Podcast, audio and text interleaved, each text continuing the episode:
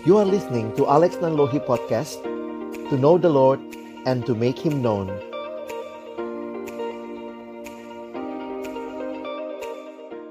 Mari sama-sama kita berdoa sebelum kita membaca merenungkan firman Tuhan. Bapa di dalam surga kami datang dalam ucapan syukur karena kami boleh bersama-sama diberi kesempatan oleh Tuhan untuk mengikuti uh, kes, uh, pembinaan pada sore hari ini. Kami akan membuka firman-Mu, kami mohon bukalah juga hati kami, jadikanlah hati kami seperti tanah yang baik, supaya ketika benih firman-Mu ditaburkan boleh sungguh-sungguh berakar, bertumbuh, dan juga berbuah nyata di dalam hidup kami. Berkati baik hambamu yang menyampaikan, setiap kami yang mendengar, dan juga interaksi di antara kami. Tuhan tolonglah agar pada akhirnya kami bukan hanya jadi pendengar-pendengar firman yang setia, tapi mampukan dengan kuasa dari rohmu yang kudus, kami dimampukan menjadi pelaku-pelaku firman-Mu di dalam hidup kami, di dalam masa muda kami. Bersabdalah ya Tuhan, kami anak-anakmu sedia mendengarnya dalam satu nama yang kudus, nama yang berkuasa, nama Tuhan kami Yesus Kristus kami menyerahkan pemberitaan firman-Mu. Amin. Shalom teman-teman, selamat sore.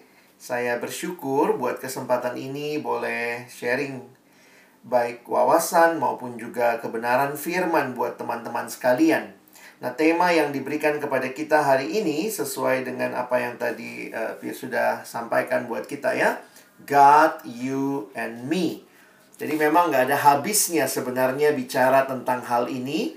Kalau bicara tentang pacaran ya, baik buat teman-teman yang sedang PDKT atau mungkin yang sudah berpacaran atau bahkan yang lagi nggak pernah kepikiran nih sekarang nggak ada tuh pikiran bang mau pacaran mau apa gitu ya.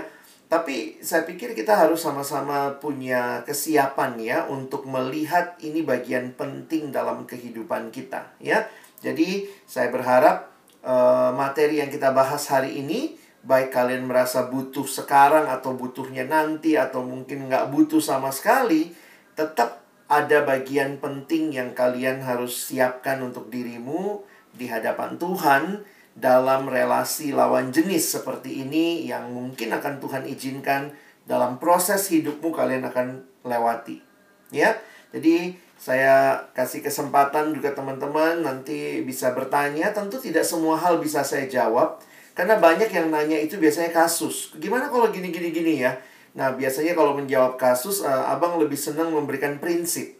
Maksudnya bagaimana? Kalau kamu udah ngerti prinsipnya, saya harap ya, walaupun mungkin tidak bisa semua pertanyaanmu dijawab, ada prinsip-prinsip yang bisa membantu kamu untuk memagari, ya apa yang menjadi uh, keputusanmu atau mungkin pertanyaanmu ya kira-kira seperti itu. Nah, uh, silakan kalau mau kontak juga ke saya bisa DM di IG atau mungkin juga ada beberapa konten yang saya dan istri juga buat berkaitan dengan relasi. Jadi silakan nanti bisa akses, bisa lihat juga beberapa IGTV yang pernah kami buat. Nah, teman-teman saya ingin mulai sore hari ini dengan mengingatkan beberapa hal dari firman Tuhan ya buat kita sekalian. Yang pertama di dalam Amsal 30. Nah, ternyata ada ayat seperti ini ya. Saya nggak tahu berapa banyak yang sadar ada ayat seperti ini di Amsal. Amsal 30 ayat 18 dan 19. Ada tiga hal yang mengherankan aku, bahkan ada empat hal yang tidak ku mengerti. Ini kalimat dari penulis Amsal. Yang pertama, jalan Raja Wali di udara, jalan ular di atas cadas, jalan kapal di tengah-tengah laut, dan jalan seorang laki-laki dengan seorang gadis. Alkitab sendiri menyatakan kepada kita melalui kitab Amsal, ini sulit dipahami ya. Maksudnya begini, bahwa sering kali realita yang terjadi teman-teman bisa pahami bahwa ini bukan matematika. Satu tambah satu pasti dua. Dalam arti relasi itu unik. Apalagi relasi lawan jenis, apalagi bicara jatuh cinta begitu ya. Unik. Kadang-kadang kan ada yang bilang, gile cowoknya ganteng banget, ceweknya biasa aja. Kesannya, emang ada ada kesan kalau yang cantik harus dapat yang cakep, yang cakep nggak ada matematikanya. Sehingga saya harus katakan juga begini, mungkin prinsipnya saya berikan, tetapi teman-teman mesti menggumulkan secara pribadi dalam kasus atau konteks setiap orang bisa jadi uh, ceritanya berbeda. Cerita yang terjadi pada diri saya dan pasangan saya mungkin bisa berbeda dengan apa yang terjadi pada dirimu dan pasanganmu nanti, begitu ya. Walaupun mungkin banyak hal awalnya sama, tapi ya namanya cerita cinta, begitu ya. Nah, ini dalam bahasa Indonesia sehari-hari ada empat hal yang terlalu sukar bagiku untuk dimengerti. Jadi ini terjemahan BIS bahasa Indonesia sehari-hari. Burung Raja Wali yang terbang di udara, ya kita nggak pernah tahu ya burung GPS-nya gimana, dia mau lewat mana. Ular yang menjalar di atas batu karang, kayak nggak ada polanya, nggak ada patternnya. Kapal yang berlayar di tengah lautan, nah ini mungkin konteks zaman itu. Sekarang kita bilang, wah kan ada kompasnya segala macam ya. Nah, dan sepasang muda-mudi yang sedang jatuh cinta. Jadi, sekali lagi saya mengharapkan kita memahami memang cinta nggak bicara teori, tetapi bagaimana setiap kisah cinta harus dibingkai dengan prinsip-prinsip yang baik yang sesuai dengan Alkitab dan kiranya itu jadi bagian yang menolong kita ke depan. Nah, saya mulai dengan prinsip yang pertama ya, bahwa kalau kita mau bicara tentang pacaran, saya melihat penting sekali kita memahami apa yang kekristenan maksudkan dengan love. Ya. Nah, kita lihat sama-sama satu ayat dalam 1 Yohanes 4 ayat 9 dan ayat yang ke-10.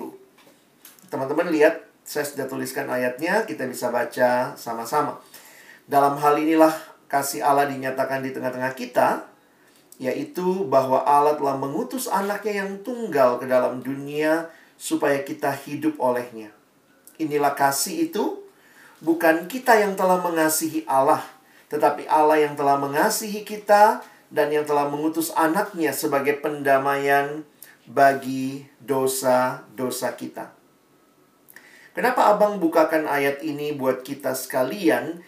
Karena saya melihat ini unsur paling dasar di dalam relasi yang perlu teman-teman dan saya miliki secara progresif. Maksudnya, Mari bertumbuh di dalam kasih.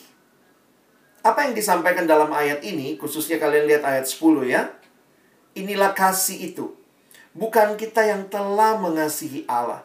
Jadi ini prinsip kebenaran yang saya ingin angkat bahwa kasih itu dimulai dari Allah.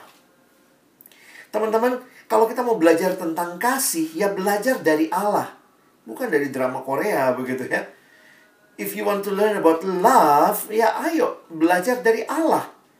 Makanya kalau kita memisahkan aku dan dia tanpa Allah, pertanyaannya apa standar kasih yang akan kita nyatakan?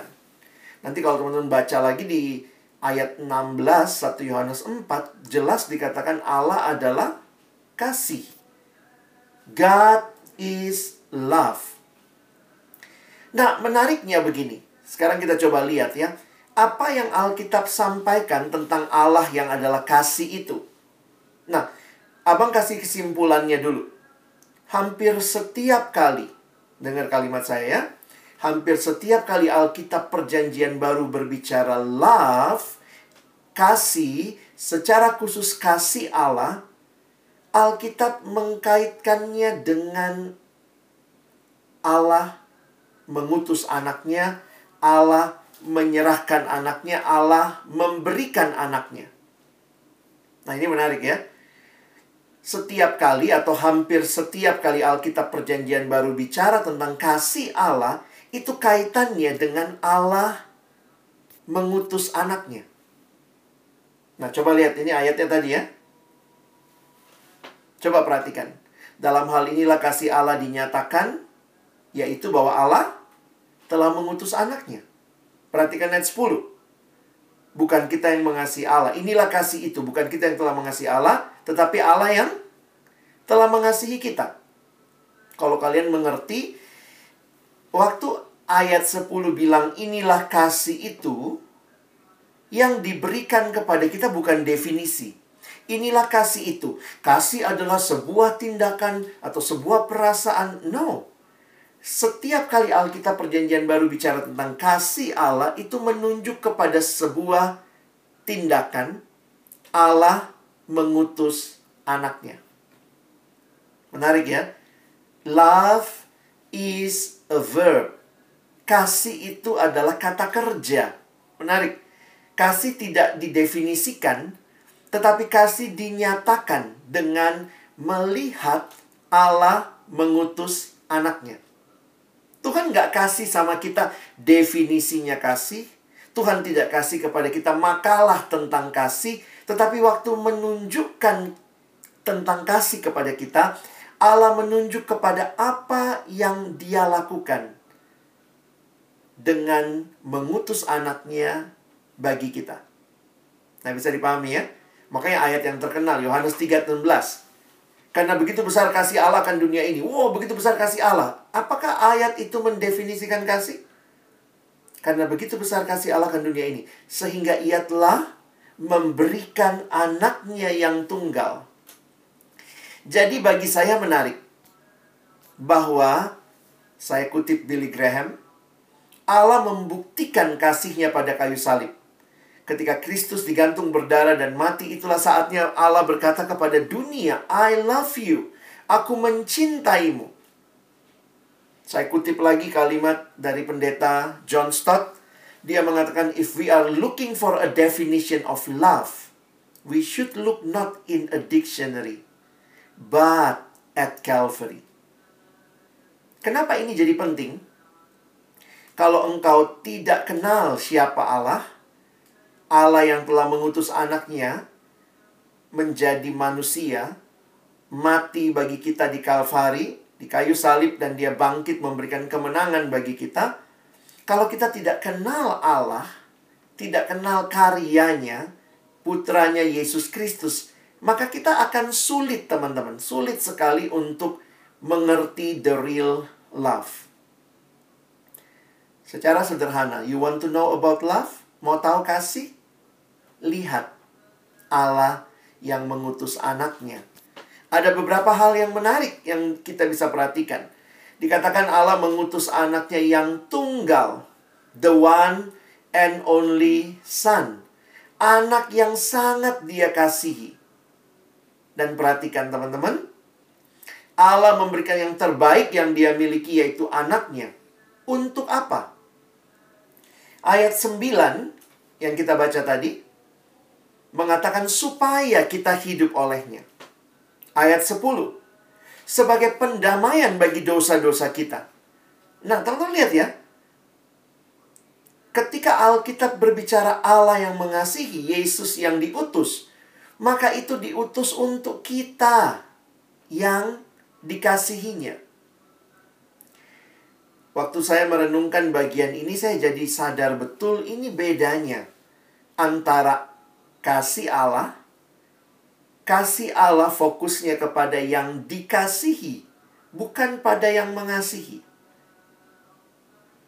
Allah memberikan anaknya yang tunggal, supaya kita yang mati boleh hidup, supaya kita yang seteru Allah boleh diperdamaikan dengan Allah.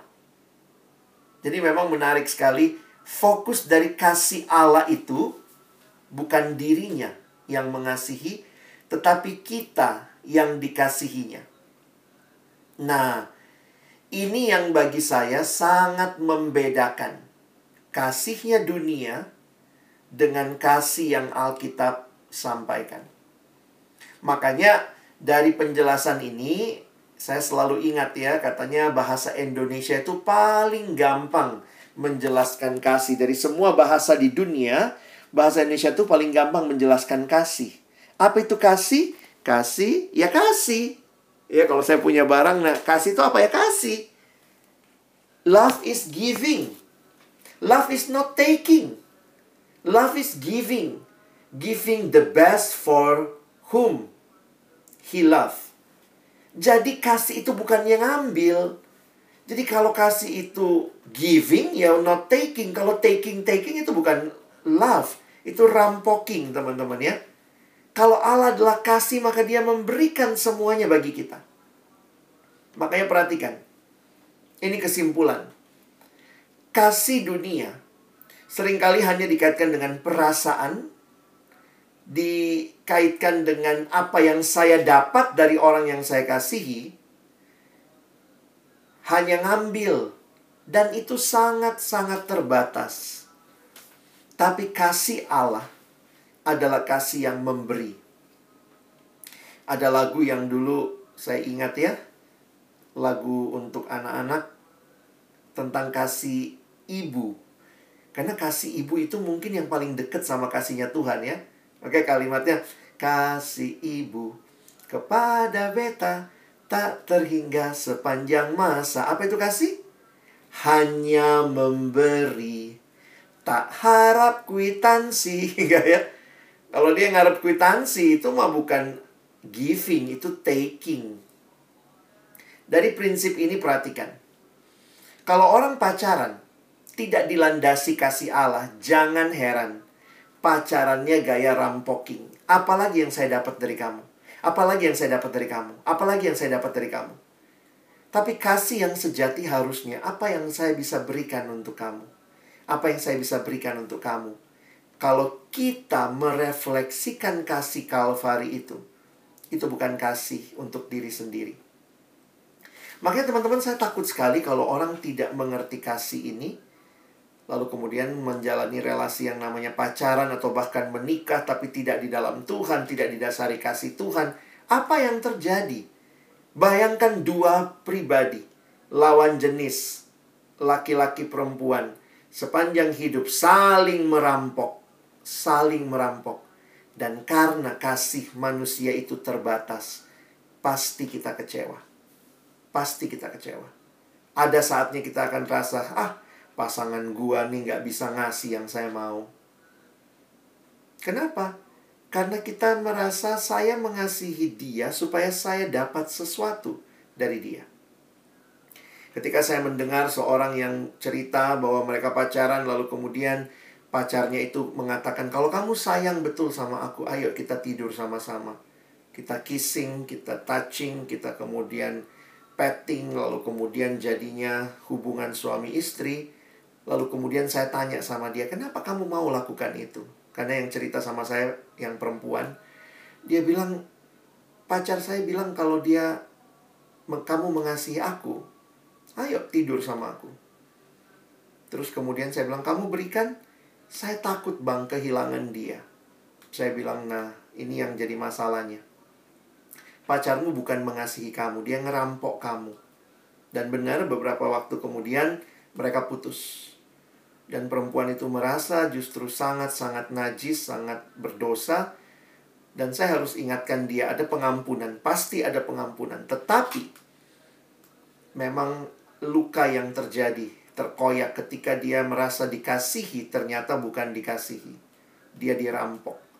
Saya bilang kalau itu cowok baik, kalau itu cowok mengasihi kamu, maka dia akan jaga kamu kudus sampai altar pernikahan. Itu namanya kasih bukan merampok kamu.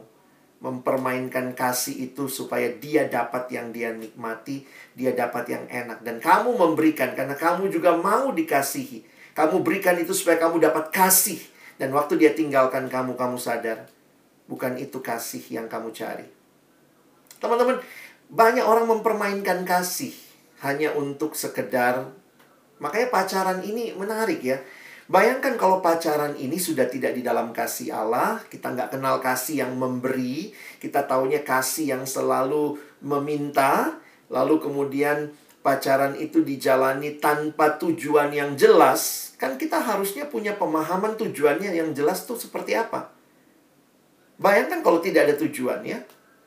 Sementara, nah saya coba masuk lah ya ke selanjutnya ke materi saya masa-masa mahasiswa, saya pikir kalian sudah masuk ke masa di mana mengalami pergumulan relasi ya, termasuk relasi antara pria dan wanita.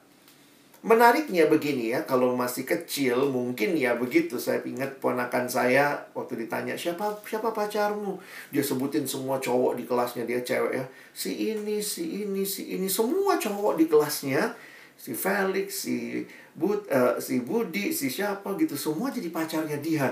Ya, kita mah geli waktu dengar begitu ya. Tapi kita ya ketawa aja. Kenapa? Dia anak TK. Anak TK tuh semua pacarnya dia ya tapi kalau kamu sudah kuliah, sudah mahasiswa, semua cowok pacarmu, semua cewek pacarmu, kelainan kamu ya. Nah, ini poinnya maksudnya apa? Bahwa memang itu real ya, mulai ngalamin perasaan, kalau kita suka sama seseorang bisa nggak tidur, bisa kebayang dia, keingat, pura-pura lewat di depan kelas kalau lagi offline kuliah gitu ya pura-pura salah nelfon, uh, salah kirim pesan, emotnya eh salah gitu ya. Itu itu dalam relasi ya, itu itu dinamikanya lah ya. Nah, karena itu mari terbuka dan kita sadari ini juga sebagai sebuah uh, perkembangan yang wajar dari kehidupan uh, pria dan wanita secara khusus buat kalian yang sudah masuk ke masa-masa mahasiswa. Nah, pertanyaannya, dunia punya punya banyak cerita dan pemahaman tentang pacaran. Kalian udah denger lah tadi ya. Jadi misalnya yang kita bisa lihat gitu, apa sih pacaran itu? Ada tren-tren yang kita dengar juga tadi. Bagi saya menarik tuh. Orang pada jomblo, aduh harusnya pacaran lah. Jadi kayak meningkatkan status. Jadi kayaknya jomblo itu status yang paling rendah dalam hidup ya. Jadi uh, uh, Jonas ya jomblo ngenes itu kayaknya status paling rendah. Lalu nanti naik sedikit uh, sudah mulai suka ada atau ada yang suka sampai pacaran. Jadi kayaknya kita merasa kita belum manusia seutuhnya ketika kita belum pacaran. Jadi ada orang-orang yang punya konsep begitu. Ada ini juga lumayan ada yang nemenin ke mana-mana. Kalau udah nggak asik ya putus aja serius amat sih pacarannya. Dan ya kolot banget pacarannya ketinggalan zaman tuh ya pacarannya uh, kebaktian gitu ya ikut potri apaan tuh gitu ya nah teman-teman yang mungkin tadi uh, Pierce cerita ya waktu saya punya pengalaman dengan adik-adik SMP jadi waktu itu saya pimpin retret SMP di Bandung dan saya ingat banget itu retret anak-anak kelas 1 SMP. Satu SMP tuh lucu ya. Cowoknya masih kecil-kecil, belum puber-puber amat. Ceweknya sudah mulai puber ya, ceweknya udah mulai apa ya, maaf ya pakai kutang karena udah mulai puber gitu ya cowoknya tuh yang masih celana pendek lari-lari. Itu yang lari-lari suka ini ya cowok-cowok yang lari-lari nabrak-nabrak gitu ya. Cewek lagi main dia lari nabrak gitu ya. Nah saya ingat banget di retret itu uh, karena saya dapat kamar pembicara yang agak besar. Terus waktu makan siang saya ingat banget anak-anak cowok yang siswa ini nanya sama saya kak Alex kamarnya di mana? Saya bilang oh saya kamar pembicara yang di situ gitu ya. Terus dia bilang boleh nggak kak? Kita main-main ke kamar kakak gitu ya. Saya bilang ya namanya anak SMP cowok-cowok gitu. Ya udah nanti main deh ke kamarku habis makan siang ya. Uh, oke okay, gitu. Saya nanya kalian mau ngapain ke kamar saya? Uh, kita mau smackdown kak gitu ya. Karena gede ruangannya jadi dia katanya mau smackdown jadi bener tuh jam 2 saya diketuk tuh kamar ada tiga cowok yang datang anak cowok kecil-kecil gitu ya uh, masih SMP lalu kemudian dua orang lagi smackdown saya ngobrol-ngobrol sama yang satu anak dan waktu itu saya ingat saya tanya sama uh, dia tanya sama saya bayangkan anak SMP kelas 1 tiba-tiba nanya Kak Alex menurut kakak boleh nggak kita pacaran Waduh, saya sampai perhatiin dari atas sampai ke bawah gitu ya. Gile, celana lu aja nggak sampai bawah gitu ya. Terus kemudian uh, saya tanya sama dia, ya sebagai pembimbing remaja yang baik kalau ada yang seperti itu nggak boleh langsung dijawab ya. Karena biasanya anak remaja tuh nggak mau mikir. Nanti cuma bilang ih kata kak Alex boleh. Dia nggak tahu sebenarnya dia nggak mikir ya. Jadi waktu itu saya tanya balik sama dia. Menurut kamu apa tujuannya pacaran? Terus dia ngomong ih kalau kita pacaran kan kak itu kan menambah semangat belajar gitu ya dia ngomong seperti itu. Nah itu juga yang mungkin jadi banyak pemahaman yang orang miliki supaya menambah semangat belajar. Saya bilang sama dia, kamu kebayang nggak kalau kamu jadi orang tua, lalu kemudian ada yang datang, e, Om, Tante, saya mau pacarin anaknya ya, pinjem ya, untuk menambah semangat belajar saya. Sebenarnya basically it's egois ya. Aku pacarin kamu supaya semangat belajarku nambah begitu ya. Sehingga akhirnya saya bilang kalau tujuan pacaran untuk menambah semangat belajar itu tadi ya yang saya bilang minum aja cerebrofit gitu. Bukan pacaran solusinya. Kalau pacaran hanya untuk menambah semangat belajar, berarti bisa gini dong. Kalau saya sudah semangat belajarnya, kita putus saja dong. Udah semangat kok. Kenapa? Karena memang sangat-sangat terbatas mendengar saya ngomong seperti itu, teman-teman tahu yang Smackdown berhenti berdua. Oh, gabung, ikut ngobrol. Terus kemudian saya ingat banget anak itu nunjuk saya. Waktu saya habis jawab begitu, dia jawab gini. Dasar, kakak nggak ngerti anak muda. Weh.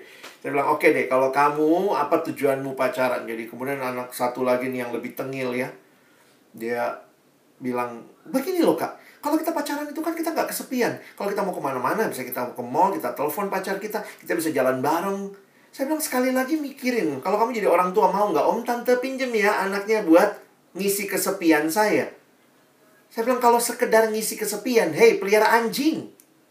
Dan banyak orang yang pacaran itu hanya hanya butuh anjing, sorry ya. Kamu hanya memperlakukan pacarmu seperti ya itu untuk ngisiin pulsa kali, untuk nemenin jalan di mall Teman-teman saya bukan berkata ketika pacaran semangat belajar nggak bisa nambah, tapi harus kita bedakan. Kamu harus bisa membedakan yang mana tujuan, yang mana akibat. Ya, kalau tujuan dicapai dan berakibat kemudian semangat belajar, kita nggak kesepian. Saya pikir itu akibat, bukan tujuan. Tapi kalau pacaran tujuannya supaya tidak kesepian, supaya semangat belajar. We miss the point. Dan ini yang kemudian saya lihat, begitu banyak orang yang terjebak dengan tren, terjebak dengan situasi, terjebak dengan konsep, yang akhirnya, sekali lagi, nggak ngerti pacaran itu apa. Nah, karena itu coba lihat berikutnya ya. Apa sih pacaran itu? Ini beberapa definisi yang pernah saya dengar pacaran itu punya dekat uh, teman dekat yang tetap. Nah, banyak yang kayak gini nih. HTSan, TTM. Tapi pertanyaannya apa bedanya dengan persahabatan? Dan beberapa orang sedang terjebak saya lihat juga di friend zone. Teman tapi terlalu dekat, teman tapi ini apalagi pertemanan lawan jenis ya. Nah, perhatikan kalimat saya. Kalian mau jadiin coach juga boleh ya. Saya harus katakan begini. Saya tidak setuju kedekatan lawan jenis terlalu dekat tanpa komitmen. Karena itu cenderung menyakitkan. Jadi jelas, sahabat ya sahabat, nggak usah SMS tiap waktu, nggak usah WA, tanya makan apa. Terus saya tanya itu pacar? Enggak, sahabat. Hah? Sahabat kok deket amat gitu. Maksudnya begini loh, teman-teman jangan berpikir karena kita ini manusia dideketin, ada yang komunikasi rutin, jangan heran kalau salah satunya baper. Tapi kita nggak ada apa-apa kok bang. Ah, saya pernah dengar nih, ada teman waktu itu jelas dia bilang sama saya, kami itu bang tidak pacaran tapi deket. Dan deketnya itu nggak wajar ya, tanya tiap jam apa kabar, uh, makan apa, lagi di mana gitu. Terus saya bilang kalian pacaran bukan? Jadi nggak masalah nih satu waktu dia jadian iya kak kita semua masing-masing bilang nggak apa-apa lah kalau lu jadian sama yang kita pokoknya deket kalau lu lagi nggak ada yang lu deketin ya udah gua lah. Jadi kayak bumper terakhir. Jadi mereka bersahabat deket begitu. Dan kemudian satu waktu yang yang deket sama saya ini cowoknya ceweknya jadian. Dan dia tuh wah move onnya susah banget waktu itu. Terus saya bilang saya kan sudah kasih tahu sama kamu. Sakit kak, sakit. Saya bilang itu mah bodoh kamu. Sudah jelas itu cuman sahabat, kenapa kamu perlakukan seperti pacar? Jadi mereka ternyata punya kesepakatan. Kesepakatannya kalau lu lagi deket sama orang kasih tahu gua ya. Kalau gua deket sama orang gua kasih tahu lu ya. Saya bilang itu mah mempermainkan perasaan. Jadi waktu dia dikasih tahu ceweknya ini lagi deket sama orang lain, dia jadi nggak bisa tidur, susah Makanya sejak itu saya juga ingatkan hati-hati kedekatan lawan jenis tanpa status. Harus langsung batasin. Kalau tidak jelas ini mau ke mana, bilang no. Kalau sahabat maka ada batasnya sahabat ya. Jadi hati-hati dengan teman-teman yang karena apa? Ini generasi kalian ini generasi kesepian. Medsos followernya bisa ratusan, bisa ribuan, tetap aja kesepian sehingga butuh orang yang kemudian akhirnya ketika sudah deket tapi nggak mau komitmennya. Nah itu yang paling ngeri. Jadi seneng kedekatannya tapi nggak suka komitmennya. Dan akhirnya kalau salah satu jadian atau salah satu misalnya meninggalkan, yang satu susah move on. Kenapa? Karena udah terlalu dalam. Nah, ada lagi yang mengatakan pacaran itu relasi khusus dengan doi yang mengasihi dan dikasih, tapi nggak perlu mikir jauh sampai pernikahan. Tadi juga jelas ya, sebenarnya menarik. Waktu saya lihat video tadi, banyak yang berpikir pernikahan. Padahal itu mungkin nggak semuanya Kristen ya. Tapi sedih juga kalau lihat orang Kristen yang nggak mau mikir jauh sampai pernikahan. Jadi pacaran itu ngapain? Ya udah having fun, terima apa ya, saling mengisi kesepian bagi saya kalau cuma sekedar itu, saya malah malah takut pacaran jadi sesuatu yang merusak ketimbang membangun. Tapi kalau kalian membingkai ya, pacaran itu suatu langkah penting sebelum pernikahan. Jadi hanya dengan orang yang sudah dipertimbangkan serius untuk jadi calon istri, calon suami, dan isinya itu penjajakan terakhir. Jadi mana nih yang benar? Nah, saya pikir kita harus membingkainya dengan yang terakhir ya. Saya ingat selalu kalimat ini. Karena pacaran, kalau kita membingkai pacaran dengan tujuan pernikahan, maka ingat baik-baik, kalau pernikahannya kudus, makanya pacarannya kudus. Tapi sebaliknya, kalau pacaran itu cuma sekedar having fun, mengisi kesepian, ya teman jalan maka kemudian ketika dalam pacarannya terjadi grepe-grepe lagi nonton terjadi hal-hal yang diinginkan bukan yang nggak diinginkan ya justru yang diinginkan kadang-kadang itu jadi hal yang mengerikan. Karena apa? Ya kan gue nggak bakal merit sama dia. Tujuannya apa? Ya cuma just fun. Dan hal seperti itu telah merusak banyak orang yang tidak punya konsep jelas tentang pacaran. Nah jadi Secara khusus saya biasanya katakan coba definisikan ya. Coba de coba definisikan beberapa istilah berikut. Penting nih teman-teman ya, kalian bisa mendefinisikan supaya nggak salah. Supaya nggak jadi juga kayak anak kecil ya. Baru jalan bareng, temen TK, satu TK, dia bilang pacarnya. Enggak ya. Apa bedanya teman sama sahabat? Teman bisa dengan siapa aja katanya. Sahabat biasanya lebih dekat ya tapi yang menarik ya teman bisa lawan jenis bisa sejenis sahabat bisa lawan jenis bisa sejenis. Bedanya sahabat sama pacar? Ya, paling pertama ya lawan jenis ya. Sahabat bisa yang sejenis tapi kalau pacaran maka lawan jenis. Dan bedanya apa? Sahabat sama pacaran. Perbedaan dasarnya sebenarnya adalah komitmen. Jadi ada komitmen bahwa kamu pacarku, aku pacarmu, paling tidak komitmen di antara kalian berdua yang membuat kita yang nggak buka cabang. Nggak nanti di setiap fakultas di Trisakti ada pacarnya dia gitu ya. Ini bukan lagi buka cabang. Pacar ada komitmen yang terikat. Dan itu eksklusif. Sementara apa bedanya pacaran sama tunangan? Ada yang bilang, oh beda bang. Bedanya apa? Tunangan lebih mahal ya. Ya, tunangan maksudnya dikaitkan dengan komitmen yang lebih luas diketahui oleh masyarakat, oleh gereja. Biasanya seperti itu. Makanya biasanya beberapa orang yang melakukan tunangan itu dilakukan di gereja, di depan masyarakat, di depan keluarga besar. Nah, apa bedanya tunangan sama pernikahan? Pernikahan jelas lebih mahal ya. Dalam ongkos biaya. Tapi yang menarik sebenarnya sederhana ya. Bahwa tunangan masih mungkin putus. Seperti juga pacaran. Sementara pernikahan dalam kekristenan kita menghayati itu tidak ada perceraian. Jadi saya pikir kita mesti jelas ini ya. Ini seperti piramida terbalik. Berteman dengan siapa aja, bersahabat lebih spesifik, pacaran cuma satu, tunangan satu sampai pernikahan juga satu. Jadi, teman-teman harus pahami, mulailah berpikir dari akhir. Apa sih tujuannya pacaran? Kalau pacaran cuma tujuannya mengisi waktu, jangan heran banyak pacaran yang jatuh dalam dosa kan cuma ngisi waktu. Ya kalau lagi mau fun ya fun lah. Tapi saya selalu ingat 1 Korintus 10 ayat 31. Ingat, 1 Korintus 10 ayat 31. Paulus berkata, jika engkau makan, atau jika engkau minum, atau jika engkau melakukan sesuatu yang lain, lakukanlah semuanya demi kemuliaan Allah. Waktu abang renungkan ayat itu, wow, bayangkan itu yang receh banget ya. Makan, minum, itu very receh. Sehari-hari. Tapi Paulus mengatakan makan dan minum pun untuk kemuliaan Allah. Apalagi pacaran.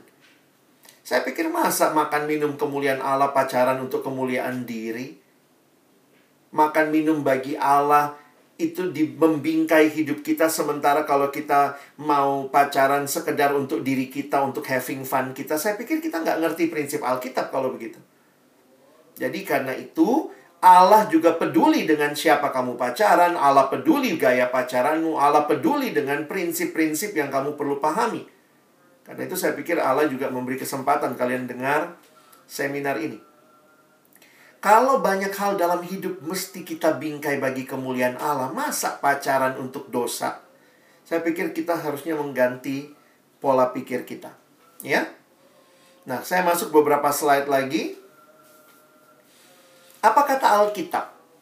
Nah, menarik ya. Sebenarnya di dalam Alkitab, konteks budaya Alkitab itu konteks budaya Yahudi. Dan yang menarik, orang Yahudi tidak mengenal dalam konteks Alkitab pada masa itu tentang pacaran.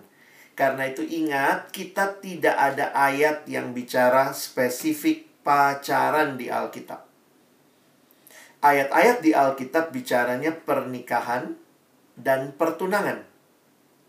Lalu, kenapa sekarang orang Kristen pacaran, Bang? Makanya jangan heran beberapa sahabat kita dari agama yang lain tidak menyetujui pacaran. Karena buat mereka pacaran katanya jadi kesempatan menikmati dosa.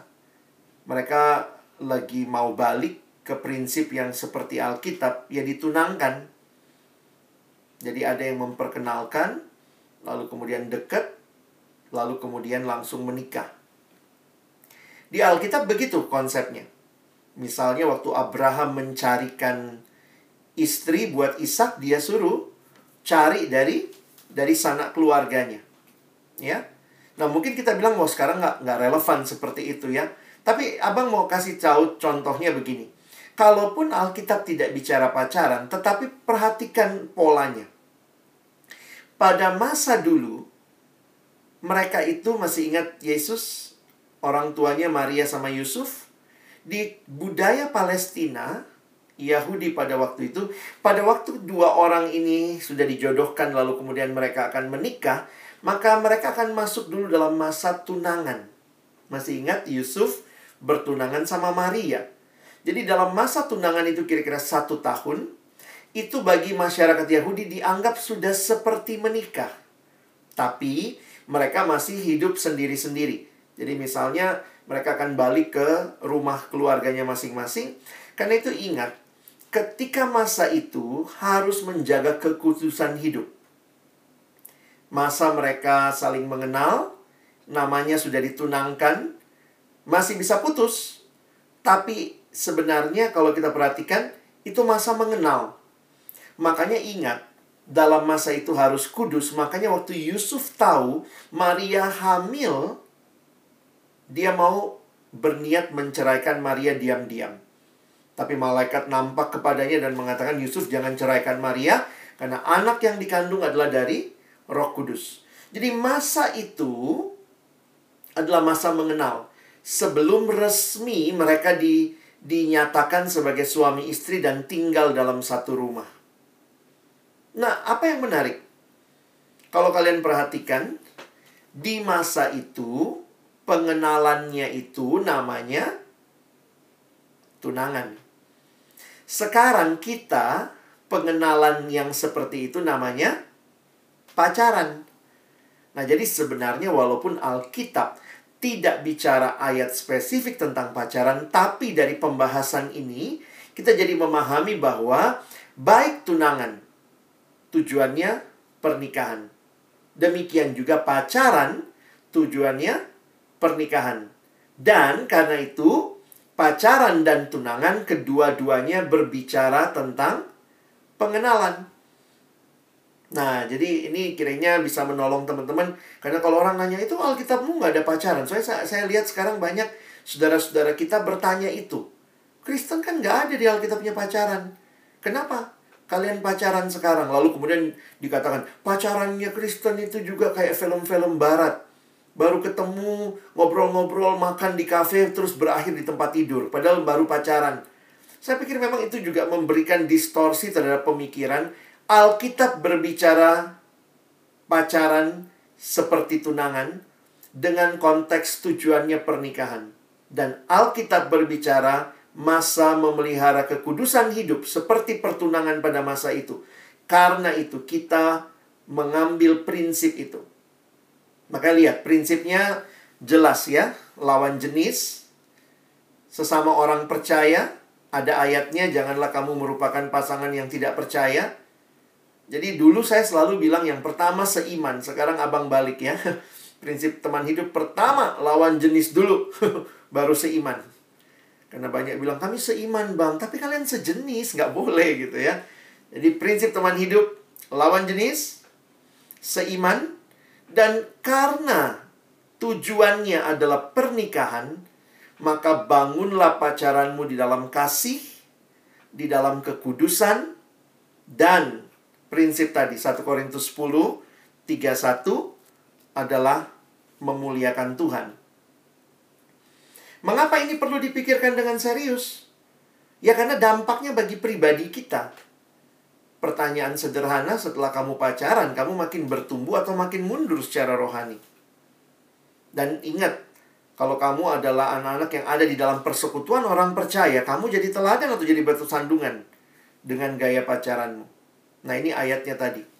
Jika engkau makan, atau jika engkau minum, atau jika engkau melakukan sesuatu yang lain, lakukanlah semuanya itu untuk kemuliaan Allah. Saya selesaikan tiga slide lagi, sesudah itu kita tanya jawab ya. Slide-nya sebenarnya masih banyak, tapi saya pilih aja. Bagaimana memilih teman hidup?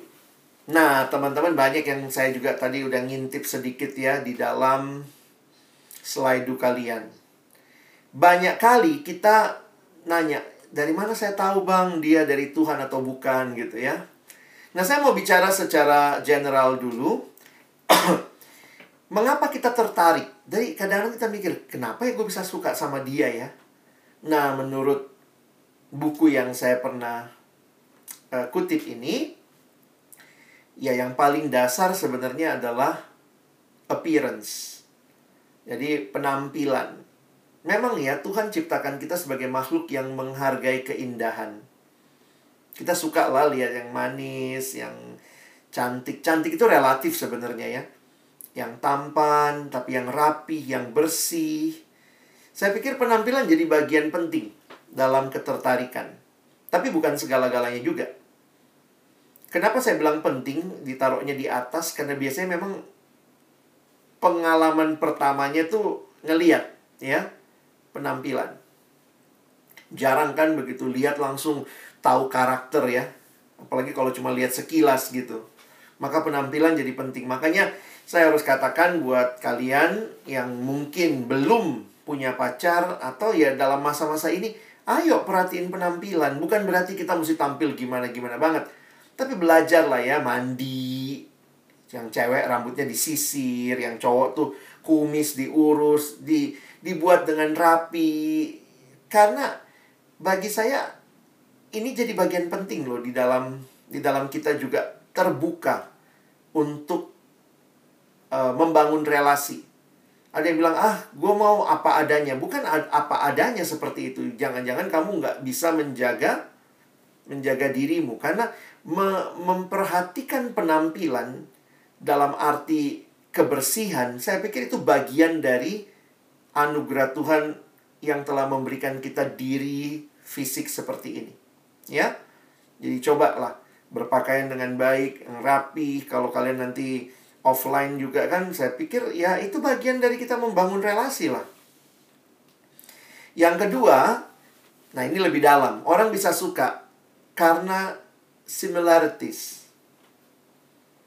Wih, dia suka musik juga ya. Ih, gue juga suka.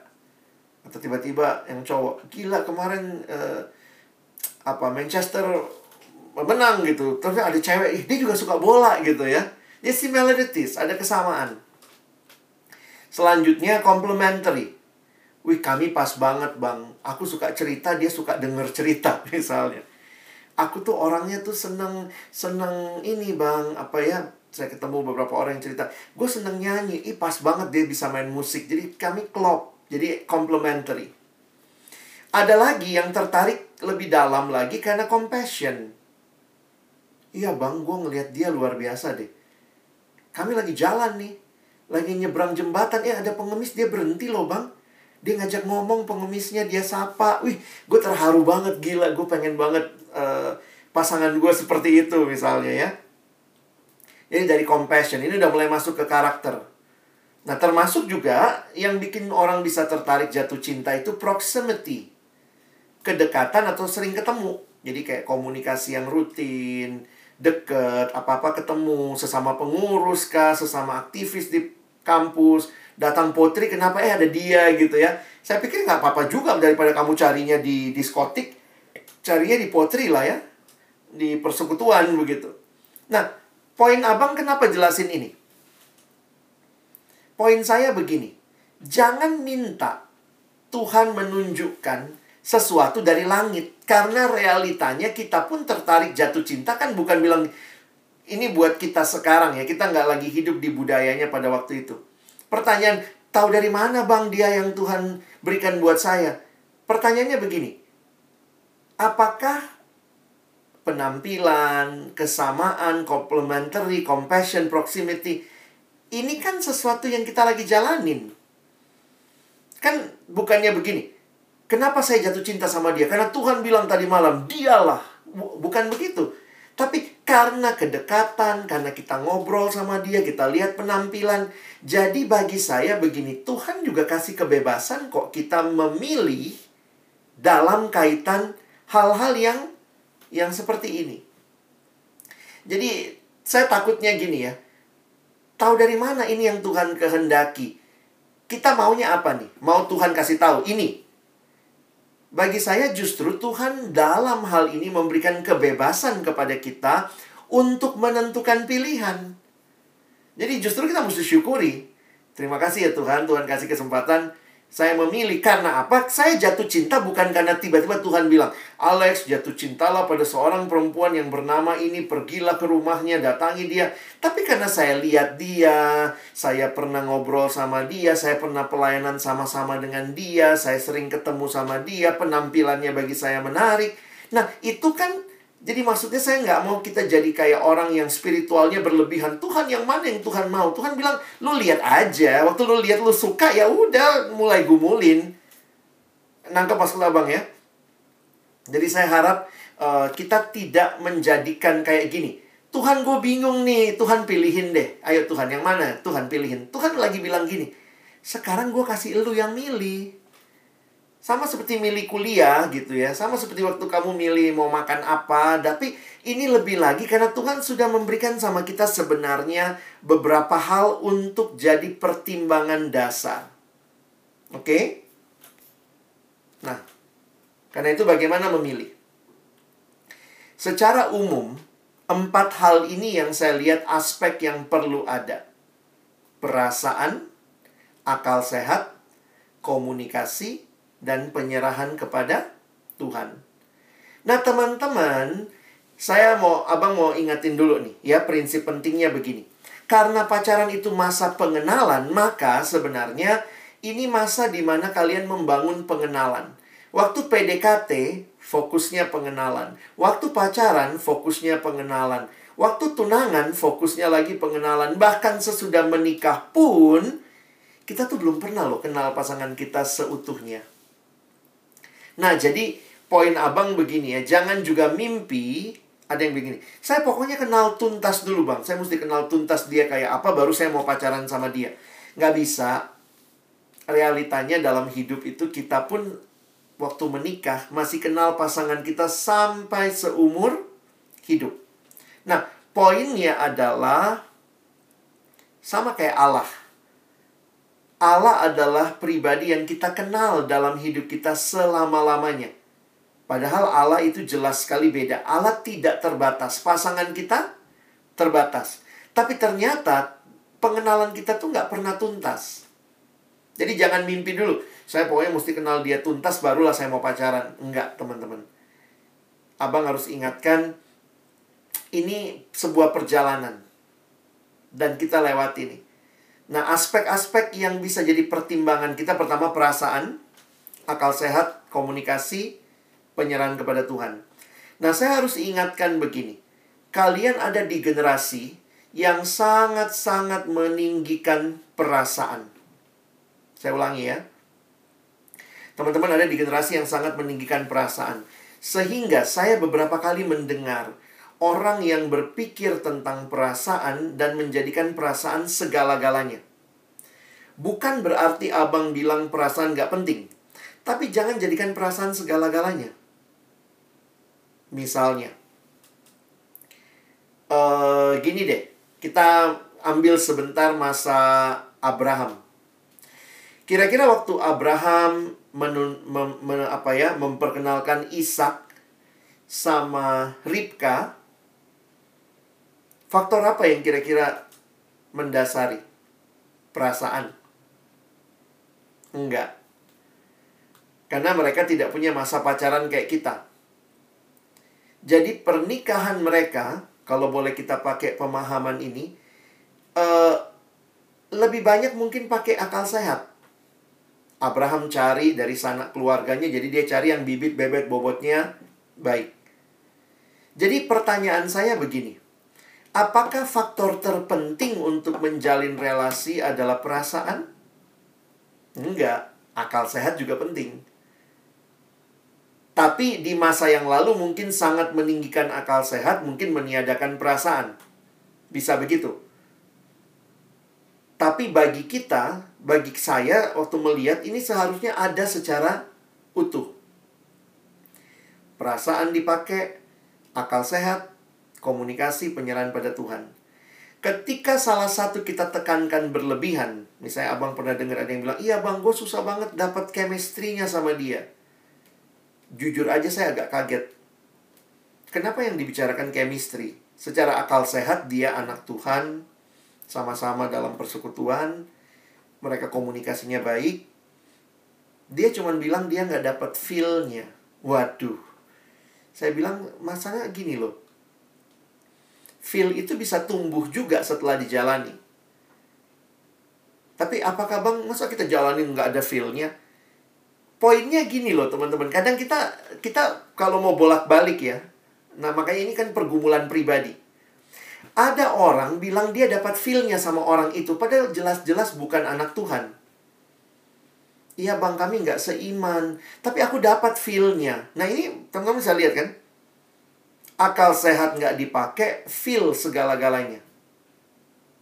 Chemistry, gue sama dia chemistry dapat banget bang. Tapi bukan anak Tuhan, ngapain diterusin? Sementara di sisi lain, kalau dia jelas anak Tuhan, belum dapat chemistry-nya, apakah harus selesai? Belum tentu juga. Jangan-jangan waktu dijalanin, dapat juga feel-nya. Kenapa? Karena banyak kali saya makin menghayati begini. Cinta itu harus dibangun. Makanya jatuh cinta itu gampang, yang sulit itu bangun cinta. Termasuk bangun perasaan. Makanya nanti komunikasi, kedekatan. Nah tentu sebelum pernikahan ya kita mesti mengetes semua lah ya. Menguji apakah perasaannya makin bertumbuh. Secara akal sehat juga makin baik. Komunikasi dan penyerahan sama Tuhan. Nah ini jadi ini jangan cuma satu bagian. Nah abang kasih contoh lagi satu. Ada satu teman perempuan datang sama saya. Dan waktu itu dia bilang gini. Dia cerita tentang pacarnya yang kasar. Dan itu kasar waktu pacaran loh. Dia di kalau pacarnya marah dia cewek ya. Pacarnya tuh cowoknya kalau marah tuh maki-maki kebun binatang sama dia. Dia pernah ditendang jatuh dari motor. Lalu kemudian pacarnya tuh pernah kasar banget sama dia gitu ya. Pernah nendang dia dan kemudian waktu saya bilang, ya udah cari konselor harus dilayani kalian cowokmu harus di, ditolong tuh. Kalau seperti itu nanti masuk pernikahan bisa KDRT kalian. Tahu jawabannya apa? Tapi kan aku nggak bisa putusin dia bang. Kenapa? Karena saya bilang sama dia, dek kalau begini terus, dia nggak mau ditolong, pacarmu nggak mau berubah, mungkin kamu harus berpikir stop relasi. Sebelum kalian masuk lebih jauh. Dia bilang, tapi nggak bisa bang, loh kok nggak bisa? Iya, soalnya kan waktu saya dulu berdoa, dia jawaban doa. Nah, teman-teman lihat, yang nomor berapa yang dia pakai? Nomor empat. Ini jawaban doa bang. Saya bilang sama dia begini, kamu salah kamu hanya berpikir, bergumul serius waktu mau pacaran. Begitu kamu dapat jawaban, pertanyaannya, waktu kamu jalanin pacaran, kamu masih bergumul terus nggak? Nah konsepnya dia kalau sudah kita jawaban doa, ya udah nggak usah putus lagi sampai menikah. Padahal udah jelas-jelas waktu menjalani, dia tahu cowok itu tidak baik, memperlakukan dia tidak baik. Jadi dia hanya pakai nomor 4. Dia buang akal sehat, dia buang itu dan saya ingatkan sama dia sebelum menikah maka kamu boleh terus apa itu? Terus bergumul. Jadi sebelum menikah terbuka untuk bergumul. Berarti bisa putus? Bisa. Namanya juga masih pacaran yang nggak boleh putus pernikahan. Jadi jangan berpikir cuma bergumul di awal. Kenapa? Karena pengenalan yang kita lalui ini ketika makin kenal, biarlah kita makin bertanya. Ingat loh, Tuhan kan suruh kita milih nih. Dan Tuhan kasih kesempatan pacaran, maka tanyalah, apakah saya siap hidup sama dia? Saya makin tahu sifatnya seperti ini, saya makin tahu. Nah, makin kamu terbuka hal seperti itu, Tuhan kasih kesempatan buat kita. Ayo, setelah lihat ini semua gimana? Siap jalan lebih jauh? Oke? Nah, jadi yang terakhir, bagaimana memilih teman hidup? Makanya beberapa tahap ini sebaiknya dilalui. Ya, pertama, tetapkan kriteria. Bagi saya kriterianya kalau kalian sudah mengerti dari penjelasan Abang tadi, lawan jenis, seiman. Tapi saya mau tambahkan, jangan cuma seiman. Tetapi fokuslah, dia adalah orang Kristen yang bertumbuh murid Kristus yang bertumbuh. Kenapa perlu kriteria? Belum ada orangnya kok bang, saya juga masih. Tapi bikin dulu lah kriterianya. Supaya apa? Begitu lihat artis Korea yang ganteng banget. Tapi kau tahu dia bukan anak Tuhan. Dia terlalu jauh di Korea, nggak masuk akal sehat ke sana. Maka ya sudah, stop. Kriteria menolong kita Waktu kita sedang punya desire yang berlebihan, kriteria akan menolong kita narrow down. Ih ganteng banget dia, tapi begitu kita tahu nggak seiman. Cantik banget tapi nggak seiman. Maka kriteria kita menolong kita untuk tidak jauh berjalan. Kalau nggak ada kriteria hidupmu, siapa saja yang lewat di depanmu, begitu suka hanya penampilan fisik, kalian merasa harus dideketin. Yang kedua, doa pribadi. Tentu dalam doa pribadi ini kita juga perlu kenal orang itu, kita tahu maksudnya begini. Saya melihat bagusnya kalau dalam persekutuan atau dalam kelompok yang lebih tertutup, kalau kita kenal orangnya, kita bisa ini juga ya, doa pribadi ini menolong kita uh, bisa kenal dia lebih jauh. Kalau kita tahu dia lagi bergumul sama orang lain secara etis ya berhenti. Ya jangan maju. Tapi doa pribadi ini ya waktu kita berdoa kita meyakinkan diri kita benar nggak sesudah itu kalau kita sudah lewati doa pribadi masuklah ke dalam doa bersama berdoa bersama fokusnya ini untuk lebih kenal lebih lihat sama-sama yakin atau tidak sampai akhirnya mengambil keputusan untuk menjalani masa pacaran dan masa pacaran harus dilalui dengan tetap kenal, bangun kekudusan bersama, dan di dalamnya kiranya Tuhan dimuliakan. Nah, kira-kira itu dulu yang saya sampaikan. Kiranya menolong teman-teman untuk bisa uh, ya mulai punya gambaran dan mengevaluasi buat yang sudah pacaran ya. seperti apa perjalanan kami selama ini. Oke, terima kasih. Tuhan memberkati. Oke, terima kasih Bang Alex. Oke, kita akan hmm, Q&A. Bentar, tapi sebenarnya aku ya ini ada ada pertanyaan-pertanyaan dari yang sebelumnya ya, dari yang dari yang hmm, kemarin di kuesioner kemarin. Jadi didahuluin ini dulu ya. Sabar. Nah, Bang, ada pertanyaan Bang. Kenapa saat pacaran seseorang cenderung menjadi bodoh? Perhatikan empat hal tadi.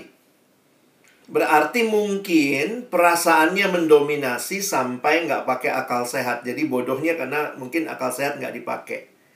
Jadi akhirnya saya pikir kita perlu bertumbuh dalam uh, semua hal ya. Mungkin begitu? Hmm, oke bang. Selanjutnya ya, kita lihat nomor dua. Nah, menurut Kristen nih usia berapa sih seharusnya pacaran yang tepat? Nah, kapan kita boleh berpacaran dan ya seperti apa sih yang siap berpacaran itu? yang siap berpacaran tadi saya bilang orang yang baiknya sudah bertumbuh di dalam kasih, mengerti kasih Allah, dan dia bisa bertanggung jawab begitu ya dalam arti mengerti bahwa tujuan pacaran bukan untuk just fun dan segala macam. Nah, makanya di dalam usia menariknya begini. Saya suka nanya gini, teman-teman pacaran itu bagusnya berapa lama? Kelamaan nggak bagus, kecepatan juga nggak baik karena kan fokusnya adalah pengenalan.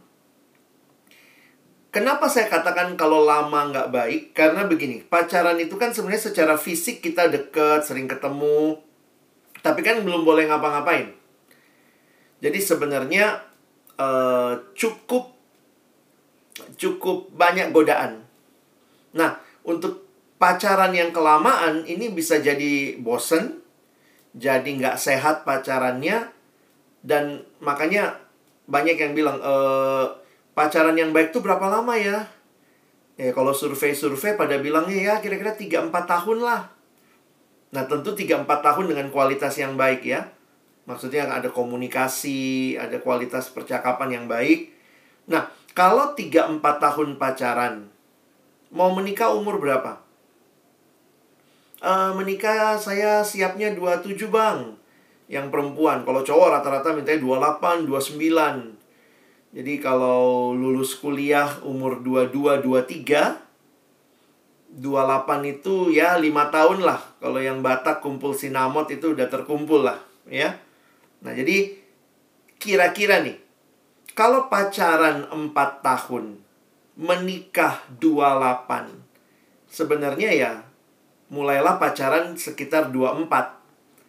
Tapi kan Bang nanti kan belum tentu jadian sama dia, mana tahu sama yang lain ya. Udah silakan. Makanya kalau saya masa kuliah saya sudah rekomendasi pacaran. Silakan.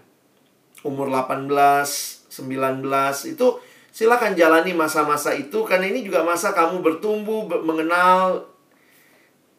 Tapi kalau masih SMA, saya biasanya nggak rekomendasi pacaran terlalu muda. Bayangkan, dia mulai pacaran misalnya umur 17. Iya bang, saya pokoknya fokusnya um, pacaran untuk pernikahan. Nah, kamu menikahnya 28, pacaran umur 17. Kamu mau pacaran 11 tahun. Jadi poin saya adalah uh, di masa kuliah silakan sudah sudah mulai sudah tepat lah ya. Tapi itu pun juga harus dibingkai dengan pemahaman ini bukan just having fun. Kalau cuma mau kenal, kenapa nggak bersahabat? Kalau memang mau pacaran, ada komitmen. Nah itu yang membedakan antara pacaran dengan persahabatan. Jadi kira-kira begitu proses berpikirnya. Hmm, oke bang, makasih bang. Nah, saya lagi bang, masih banyak. Ya bagaimana sih cara mengatasi rasa bosan? Nah, kan tadi abang pola kalah hmm. bosan kan. Nah, bagaimana tuh mengatasi rasa bosan terhadap pasangan, terutama ya saat ada godaan tadi itu untuk mengganti pasangan. Makanya dibingkai sama tujuan pernikahan dan di, diteguhkan dengan komitmen. Teman-teman mesti mengalami memahami begini ya. Kenapa Abang ngomong komitmen? Karena ketika menikah pun yang mengikat kita tuh komitmen. Bukan perasaan. Kenapa? Perasaan kita ini naik turun. lagi kesel sama pasangan kita. Hari ini misalnya dia masaknya gosong, kita kesel. Terus kita bosen sama dia, kita ngerasa kok aduh dia kok nggak ngerti gua. Karena ternyata habis menikah pun juga kita yang saya bilang kan, seumur hidup mengenal. Nah kalau yang menentukan relasi kita adalah perasaan, gue lagi bosen nih, ya udahlah gantilah istri. Nangkep maksud abang ya? Makanya ketika pacaran, latih dirimu berkomitmen. Dalam pengertian apa? Waktu berkomitmen, kamu lagi kesel sama dia. Tapi kamu tahu, kalau kesel itu bukan putus. Tetapi cari kenapa kesel, belajar mengampuni kalau harus mengampuni, belajar minta maaf kalau harus minta maaf. Jadi prinsip kasih dipraktekkan. Jadi sekali lagi, bayangkan pacaran tanpa komitmen, hanya mau deketnya, begitu gue lagi nggak rasa feelnya, gue bosen, gue tinggalin. Nah, kalau kamu bawa dalam pernikahan, hati-hati. Jadi, buat teman-teman yang memang bagi saya begini, kalau kamu masih rasa-rasa bosen ya udahlah, kamu belum siap pacaran kali ya, sahabatan aja deh. Karena kalau cuma sekedar mengusir rasa bosan, terlalu receh pacaran seperti itu. Kira-kira begitu.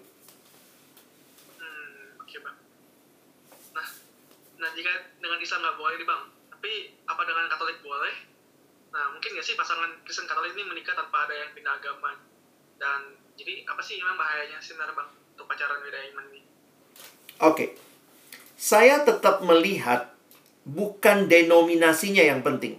Kalau dengan agama yang lain udah jelas lah ya tapi misalnya kalau dengan Katolik saya melihatnya karena pengakuan iman kita masih sama. Jadi poin saya justru begini Hati-hati dengan kamu hanya melihat denominasi. Bagi saya, yang dilihat bukan hanya denominasi. Ingat tadi abang bilang, pastikan dia murid yang bertumbuh. Bisa jadi dia satu gerejamu, tapi dia nggak bertumbuh. Oh banyak ya begitu. Sementara dia gereja lain, tapi dia bertumbuh. Jadi jangan fanatisme denominasi saja. Tapi ingat, carilah orang yang jelas pertumbuhan rohaninya. Kenapa? Itu penting buat pernikahan. Itu penting. Dalam kehidupan kita nggak cuma cari orang yang ganteng, appearance-nya bagus, cara ngomongnya baik. Tapi saya melihat hubungan dengan Tuhan, dengan dia, itu akan sangat mempengaruhi hubungan dengan pasangan. Jadi rindukan pasangan bukan hanya Kristen.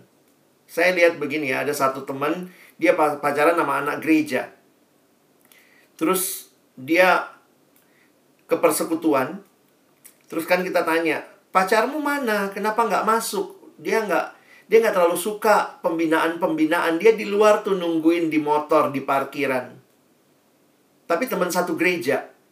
Saya bilang justru ini jadi pertanyaan apakah menunggu di luar nggak suka pembinaan itu yang kamu mau jadikan pasanganmu yang tidak bertumbuh.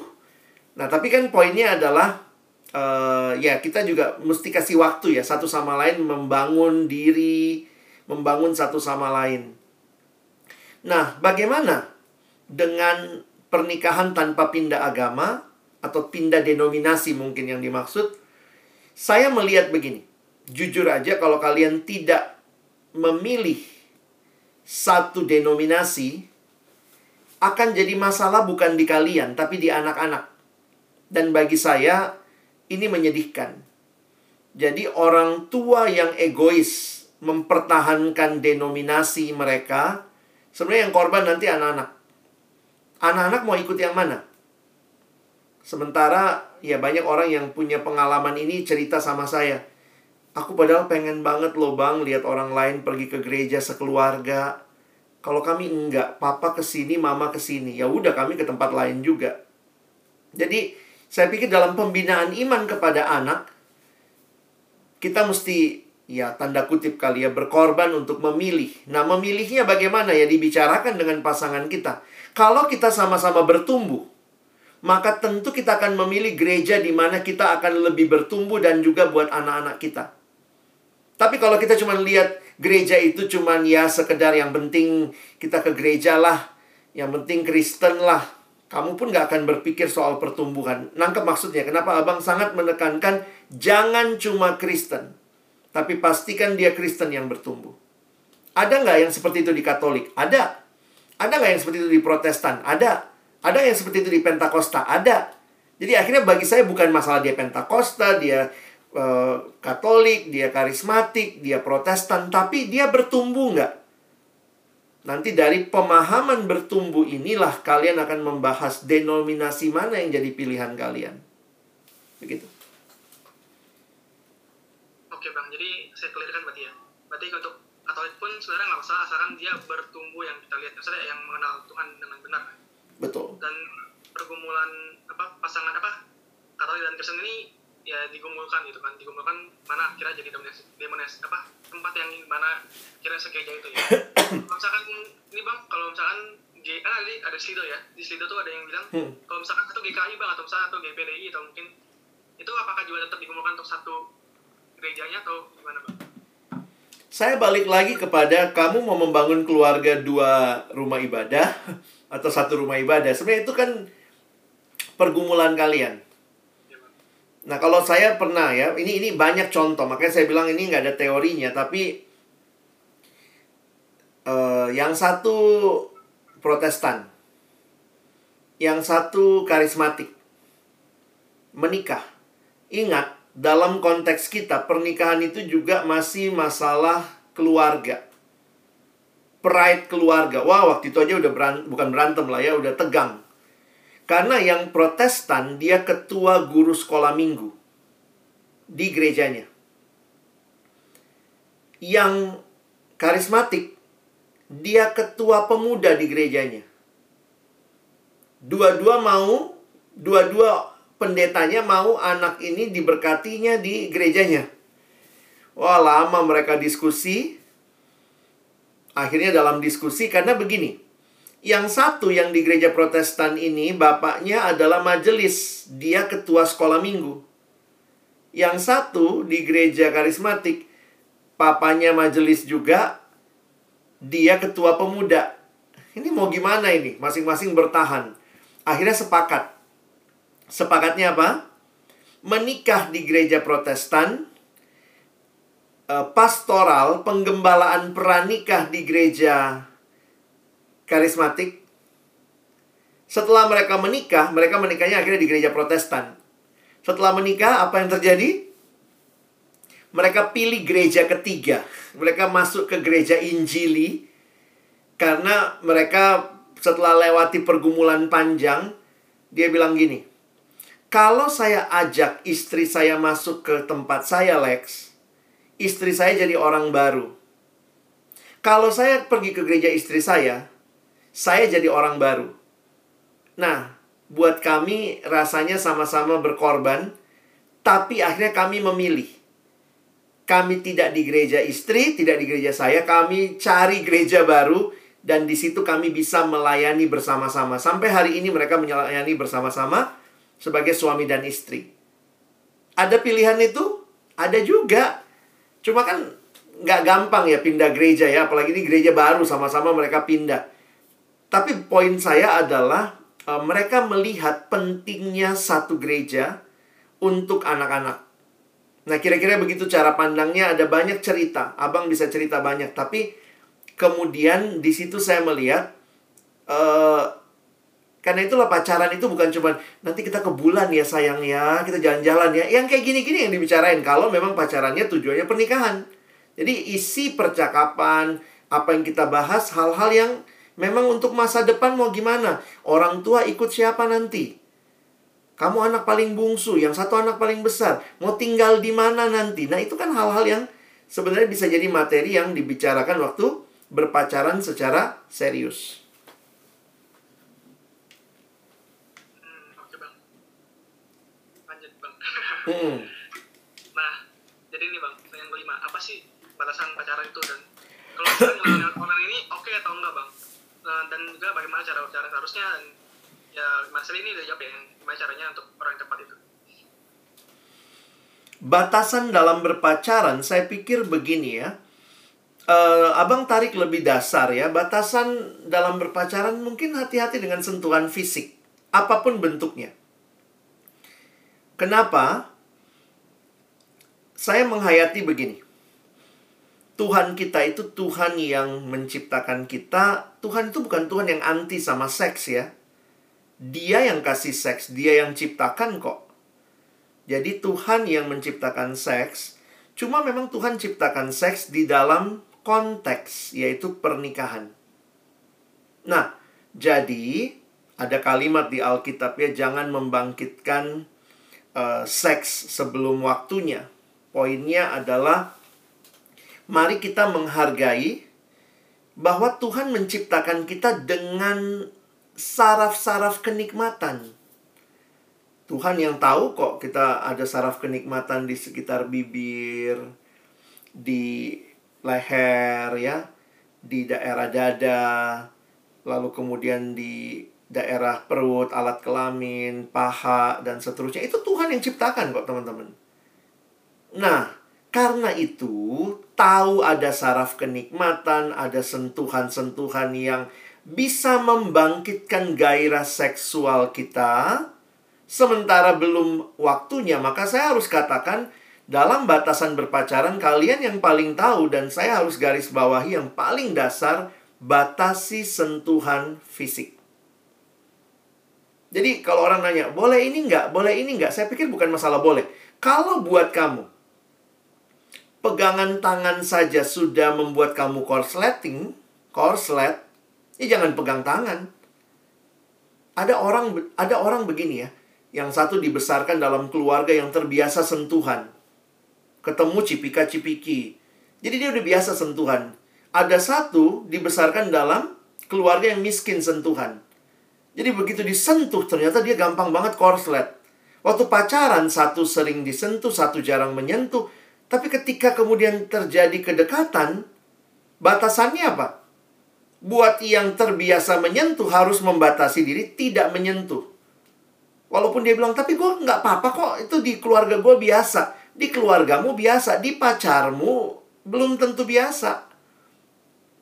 Jadi saya harus katakan, buat saya bahkan lebih ekstrim. Kalau pegangan tangan membuat kamu, jangankan ada yang nanya, ciuman boleh nggak? Aduh, ingat loh, ini kenikmatan ini, saraf-saraf kenikmatan. Jangan membawa diri ke dalam pencobaan deh. Jadi kalau saya harus ingatkan batasannya paling dasar mulai dari pegangan tangan. Boleh nggak pegangan tangan? Boleh kalau nyebrang. Selebihnya ya nggak usah lah. Kadang-kadang kan kita pegang-pegang tangannya, kita remes-remes, emangnya cucian gitu ya. Tapi kayaknya nggak nggak ini banget bang. Belai rambut boleh nggak? Ya buat kamu belai rambut itu apa? Maksudnya apa? Menunjukkan sayang. Ingat loh, belum menikah. Jangan-jangan belai rambut lama-lama belai yang lain juga. Ini ini ini kenikmatan ini semua. Daerah-daerah yang kita harus tahu lah jangan membawa diri ke dalam pencobaan. Jadi batasannya itu kalian harus miliki dan nggak apa-apa gak pacaran gaya kolot. Dalam arti no sentuhan mungkin. Tapi kemudian kita tahu ini demi menjaga kita. Kalau tidak kita jatuh dalam dosa dan waktu sudah jatuh dalam dosa, ya banyak orang yang tidak menikmati lagi seks dalam pernikahan karena sudah dinikmati sebelum pernikahan. Jadi bagi saya itu sebenarnya kita mesti serius lah dengan hal-hal seperti itu ya. Kenalan lewat online oke okay nggak? Poinnya apa? Kenalan kan? Nah kenalan itu kita mesti sadar yang ketemu tatap muka aja banyak bohongnya atau banyak maskernya, banyak topengnya ya.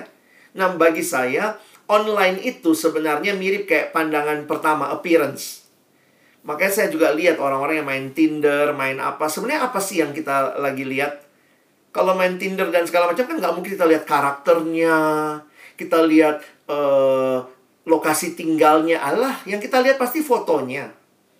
Nah, makanya poin saya adalah kalaupun itu menjadi cara mulai mengenal atau oh gue suka tertarik tapi jangan berhenti sampai di situ kita harus melihat bahwa pengenalan itu lebih daripada sekedar appearance Jadi kira-kira begitu kali ya. Hmm, oke bang. Jadi jadi apakah boleh pacaran dengan online kayak tadi yang untuk menekanannya sih bang. Jadi boleh nggak sih bang pacaran online itu atau nggak pakai aplikasi dating tadi? Saya eh, saya harus katakan begini. Itu bisa saja, mungkin kok. Tuhan itu sangat kreatif, mungkin aja. Tapi saya tidak melihat itu sebagai satu cara yang yang lazim ya. Poinnya abang maksudnya begini ya. Kadang-kadang saya lihat kalau kita sampai sudah carinya di tempat-tempat seperti itu, jangan-jangan juga persekutuan kita gagal ya untuk membuat kita jadi punya tempat yang kita lebih comfort, terbuka, kenal satu sama lain. Jadi karena begini, ada nggak orang yang dipertemukan Tuhan online? Ada juga, nggak bisa kita tutup mata. Nggak ada, nggak boleh online. Tapi bagi saya, online itu terlalu banyak topengnya. Jadi saya secara pribadi sebenarnya se- secara pribadi ya tidak terlalu merekomendasikan. Nggak usah lah. Nggak usah online ya kenal langsung lah. Kenapa? Kenal langsung itu menolong kita juga bisa melihat lebih jauh hal-hal yang tidak terungkap lewat online. Jadi gini, online itu sudah skip banyak hal. Saya kasih contoh ya. Di online sudah ada nama, sudah ada tinggal di mana kadang-kadang, umurnya berapa. Nah, jadi sebenarnya banyak hal yang kayak sudah terbaca di situ. Sementara kalau kenalan langsung kan eh namanya siapa ya? Namanya siapa ya? Kita jadi pengen kenal waktu ngobrol oh tinggal di mana? Habis itu eh umurnya berapa? Jadi sebenarnya pengenalan langsung itu indah. Ada proses di situ. Nah itu dipotong sama online online udah ngasih tahu dia nama umur lokasi. Kadang-kadang kalau aplikasi dia senengnya apa dia carinya apa. Jadi bagi saya udah kurang excited sebenarnya ya. Ya mungkin itulah. Jadi nggak tahu lah ya kalau kalian merasa tapi bang anak persekutuan jelek-jelek. Eh sadar diri jangan-jangan kau juga jelek gitu ya. Sampai akhirnya carinya di Tinder lah carinya di aplikasi-aplikasi. Kadang-kadang saya pikir eh itu kan kayak kita beli kucing dalam karung ya kita nggak kenal tuh kita nggak tahu itu nah sementara memang pengenalan butuh proses jadi gimana kalau Yo mau menekankan saya tidak melarang tapi saya tidak merekomendasikan. Hmm, oke bang. Siap. Jadi teman-teman yang mau cari lewat Tinder, pikir-pikir dulu ya. Uninstall aja lah kalau memang nggak dibutuhkan. Oke, yang keenam, sebenarnya pacaran itu penting nggak sih jadinya? Kenapa pacaran selalu penting oleh banyak orang, Dalam kaitan mengenal tadi yang abang bilang, dibingkai dengan tujuan pernikahan, isinya pengenalan, maka bagi saya itu penting. Jadi, jangan juga melangkah lebih jauh tanpa pengenalan. Makanya pengenalannya namanya pacaran. Nah, sayangnya pacaran yang dianggap penting adalah sebagai status, sebagai teman mesra-mesraan, semua di drama Korea punya pacar, masa gua kagak, ondel-ondel aja punya pasangan, masa gua kagak, tahu aja ada isinya kok hati gua kosong. Kadang-kadang kita dibombardir sama pemahaman seperti itu. Jadi memang yang tadi Abang bilang ya, nggak pacaran itu kayaknya dosa besar gitu ya. Padahal no problem kalau memang belum pacaran santai aja. Tapi miliki kriteria supaya ketika ada yang lewat, hati kamu bergetar langsung ingat, ini sesuai kriteria nggak? Gitu ya. Hmm, Bang, selain Bang tambahin eh, kalau di YouTube-nya ada yang chat juga kan. Hmm. Bagaimana dengan hubungan tanpa status tapi ada komitmen, Bang? Nggak mungkin itu mah. Saya sorry ya, saya harus katakan kalau mau mau komitmen ya jelas ini apa? Masa komitmennya kita adalah hubungan tanpa status? Sorry, itu namanya mempermainkan hubungan dan sebenarnya kamu sedang menanam bom waktu baik untuk kamu atau untuk pasanganmu untuk merusak hubungan. Jujur aja bagi saya HTS-an mau bilang pakai tanpa komitmen berkomitmen itu cenderung menyakiti, cenderung menyakiti. Kalau kamu serius dengan pacaran demi pernikahan, kamu tidak akan main-main sama relasi atau mempermainkan orang orang lain dalam relasi. lanjut lagi. Nah, dalam berpacaran tentu harus ada sebuah komitmen kan bang? Ya. Yang dapat menopang hubungan antara pria dan wanita. Nah, kira-kira komitmen seperti apa sih bang yang harus dijalankan dan dilakukan tadi? Eh, kalau secara paling dasar tadi ya, komitmen bahwa ya kamu pacarku, aku pacarmu, jadi maksudnya di situ ada exclusive relationship, berarti tidak membuka hubungan lagi dengan orang lain. Sehingga memang jelas, ini konsekuensinya mungkin yang banyak. Apakah dengan demikian saya harus batasin relasi saya dengan lawan jenis yang lain? Nah, itu bisa begitu. Ada orang dia punya banyak teman cewek. Tapi begitu dia sudah pacaran, dia harus bisa batasin bahwa temen ceweknya yang dekat cuma pacarnya. Itu itu konsekuensi dari relasi. Nggak bisa pada saat dia dekat sama pacarnya, dia masih curhat dalam sama temen yang lain. Ada yang bilang, tapi kan bisa bang. Masalahnya bisa sih bisa aja, tapi itu nggak sehat. Nanti dari situ, komitmen apa lagi? Komitmen kekudusan. Tidak pacaran di rumah, tidak pacaran di dalam kamar. Nah, banyak yang jatuh. Anak persekutuan jatuhnya di mana? Di kosan. Nah, itu komitmen-komitmen yang kamu bangun kan ya. Tapi komitmen dasar adalah kamu pacarku, kita pacaran di hadapan Tuhan, bangun kekudusan. Nah, bangunlah komitmen-komitmen sederhana. Kita saat teduh bersama, seminggu sekali kita sharing saat teduh minggu ini apa yang berkesan misalnya. Uh, poin saya adalah saya juga nggak terlalu kayak komitmennya mesti gimana kayak pengurus atau apa enggak lah. Jangan juga sampai kayak pacaran itu membebani kita jadi seperti sesuatu yang aneh. Anak persekutuan kalau pacaran aneh banget. Komitmen-komitmen sederhana aja.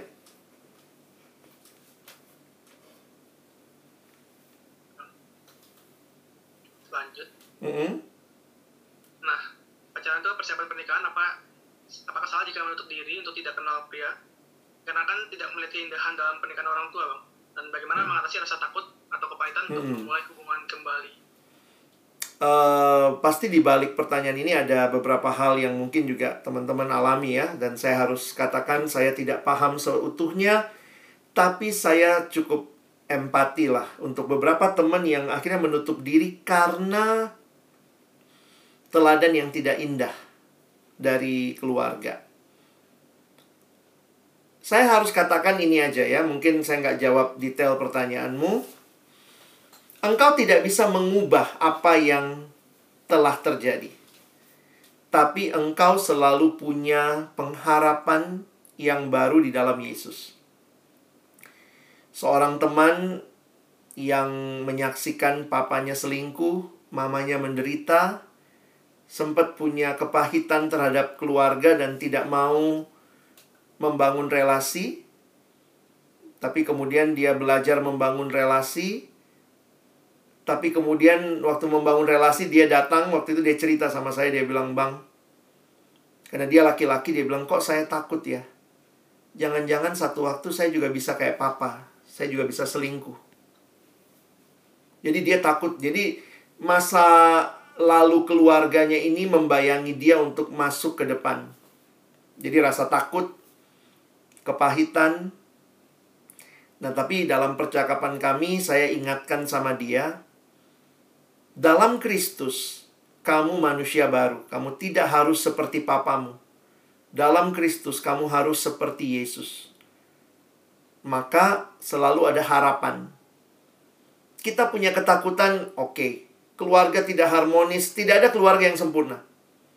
Tapi kita diberikan Roh Kudus, kita diberikan pola dan model Yesus yang menolong kita bisa memasuki hubungan yang baik ke depan.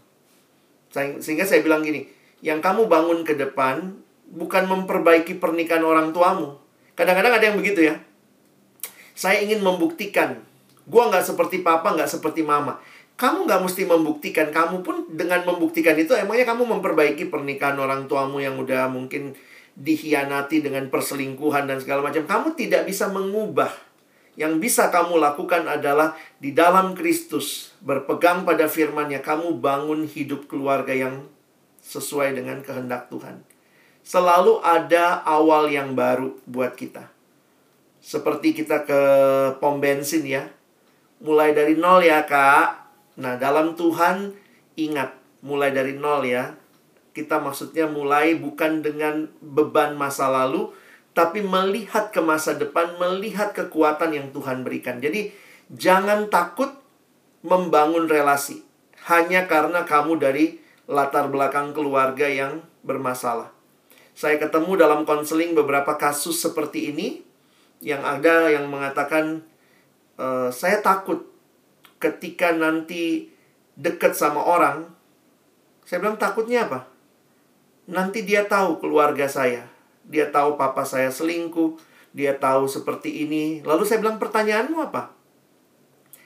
Apakah dia akan mau terima saya ya kak? Nah ini baru saja minggu lalu ada yang tanya seperti itu. Saya mau pacaran kak, tapi saya takut sekali kalau pacar saya, calon pacar saya ini tahu keluarga saya. Saya bilang ya kamu harus kasih tahu pada akhirnya. Dan di situ dia bilang, tapi saya tahu dari mana pacar saya bakal terima. Saya bilang, pastikan dia orang yang bertumbuh. Karena kalau dia bertumbuh, bukan asal Kristen ya, dia bertumbuh, dia akan tahu bahwa selalu ada pengharapan dalam Kristus. Makanya ingat dari tadi abang tekenin cari yang bertumbuh, bukan asal Kristen. Karena hanya orang yang bertumbuh dalam Tuhan ngerti apa itu kasih, ngerti apa itu pengampunan, mengerti apa itu pengharapan. Ada awal yang baru. Jadi buat kalian yang punya masa lalu yang buruk, ada yang pernah pacaran, lalu dalam pacaran sudah melakukan hubungan yang melewati batas. Mungkin ada yang bilang, Bang, aku sudah nggak perawan lagi, aku udah nggak perjaka lagi. Apakah pasanganku mau terima aku? Orang yang bertumbuh akan bisa melihat kamu yang sekarang di dalam Tuhan. Bukan kamu yang dahulu. Karena yang dahulu nggak bisa diubah. Mau dibalikin, nggak bisa, udah lewat. Tapi kalau dia bertumbuh, dia akan bisa melihat kamu sekarang dan ke depan di dalam Tuhan. Oke? Okay? Oke bang. Dua lagi bang ya. Yap. Ini ini saya sembari juga lihat dari yang di um, Slido ke, ke apa kayak mirip-mirip juga sih jadi pertanyaan sini hmm. mungkin kalau ada yang ini nah, penting bagi kita memiliki ketika memiliki pasangan kita harus menyukai atau menyayangi sahabat teman dan keluarganya? Tentu ini proses ya. Karena bagi bagi saya begini. Ya siapa dulu keluarganya sahabatnya? Ini orang-orang yang baik apa enggak gitu. Poinnya begini ya. Kadang-kadang kan ada yang balik tadi, masa lalu kan nggak bisa diubah. Nah, teman-temannya teman-teman dari mana? Dari masa lalu atau teman-teman yang sekarang dalam Tuhan gitu. Kalau yang masa lalu ya nggak usah kita sukai juga nggak apa-apa gitu. Tapi mari belajar ya, belajar eh, tentu setiap orang punya pergumulan dengan pasangannya dan dalam konteks timur pernikahan itu melibatkan keluarga. Jadi memang pada akhirnya keluarga, teman, lingkungan yang lebih luas, yaitu otomatis jadi keluarga kita, jadi teman kita. Nah, dalam pengalaman ya saya misalnya sama istri ya belajar, saya kenal teman dia, dia kenal teman saya gitu. Beberapa kali saya ajak dia ketemu teman-teman saya, dia ajak saya ketemu teman-temannya. Jadi ini proses kali ya. Nggak ada yang sekali, pokoknya kamu harus terima semua pas teman-teman saya, keluarga saya. Itu semua proses. Tapi kalau ditanya penting ya penting ya. Karena tapi penting dalam proses.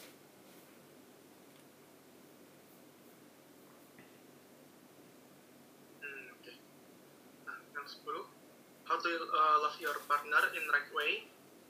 Because I do believe when we love our God, we know how to love our partner. So the question how to love them. Oke, okay, thank you. Ini pernyataan yang baik. Ada yang bilang gini, uh, tapi ini ada ada beberapa orang konsepnya juga suka aneh gitu ya. Lu nggak boleh terlalu mencintai pasangan lu nanti Tuhan cemburu. Saya pikir Tuhan mah bukan Tuhan model begitu ya. Karena ada yang kayak gitu kan. Kita kadang-kadang nggak tahu dari mana konsep itu ya. Kayak Tuhan itu kayak jealous yang jealousnya bukan jealous dalam holy tapi jealous kayak kita gitu. Maka ada yang bilang, pantas anaknya meninggal. Abis mamanya sayang banget sih sama anaknya sampai Tuhan ambil deh. Jadi takut banget kan nyayangin sesuatu karena kayaknya Tuhan bakal ngambil. Tapi poinnya adalah yang menarik kalau dibalik begini. Hanya ketika engkau mengasihi Tuhan dengan tepat, dengan baik, maka kamu pun akan bisa menata kasihmu kepada partnermu, kepada anakmu, kepada orang tuamu. Jadi memang our love to God will determine how we love other things in our lives. Hmm.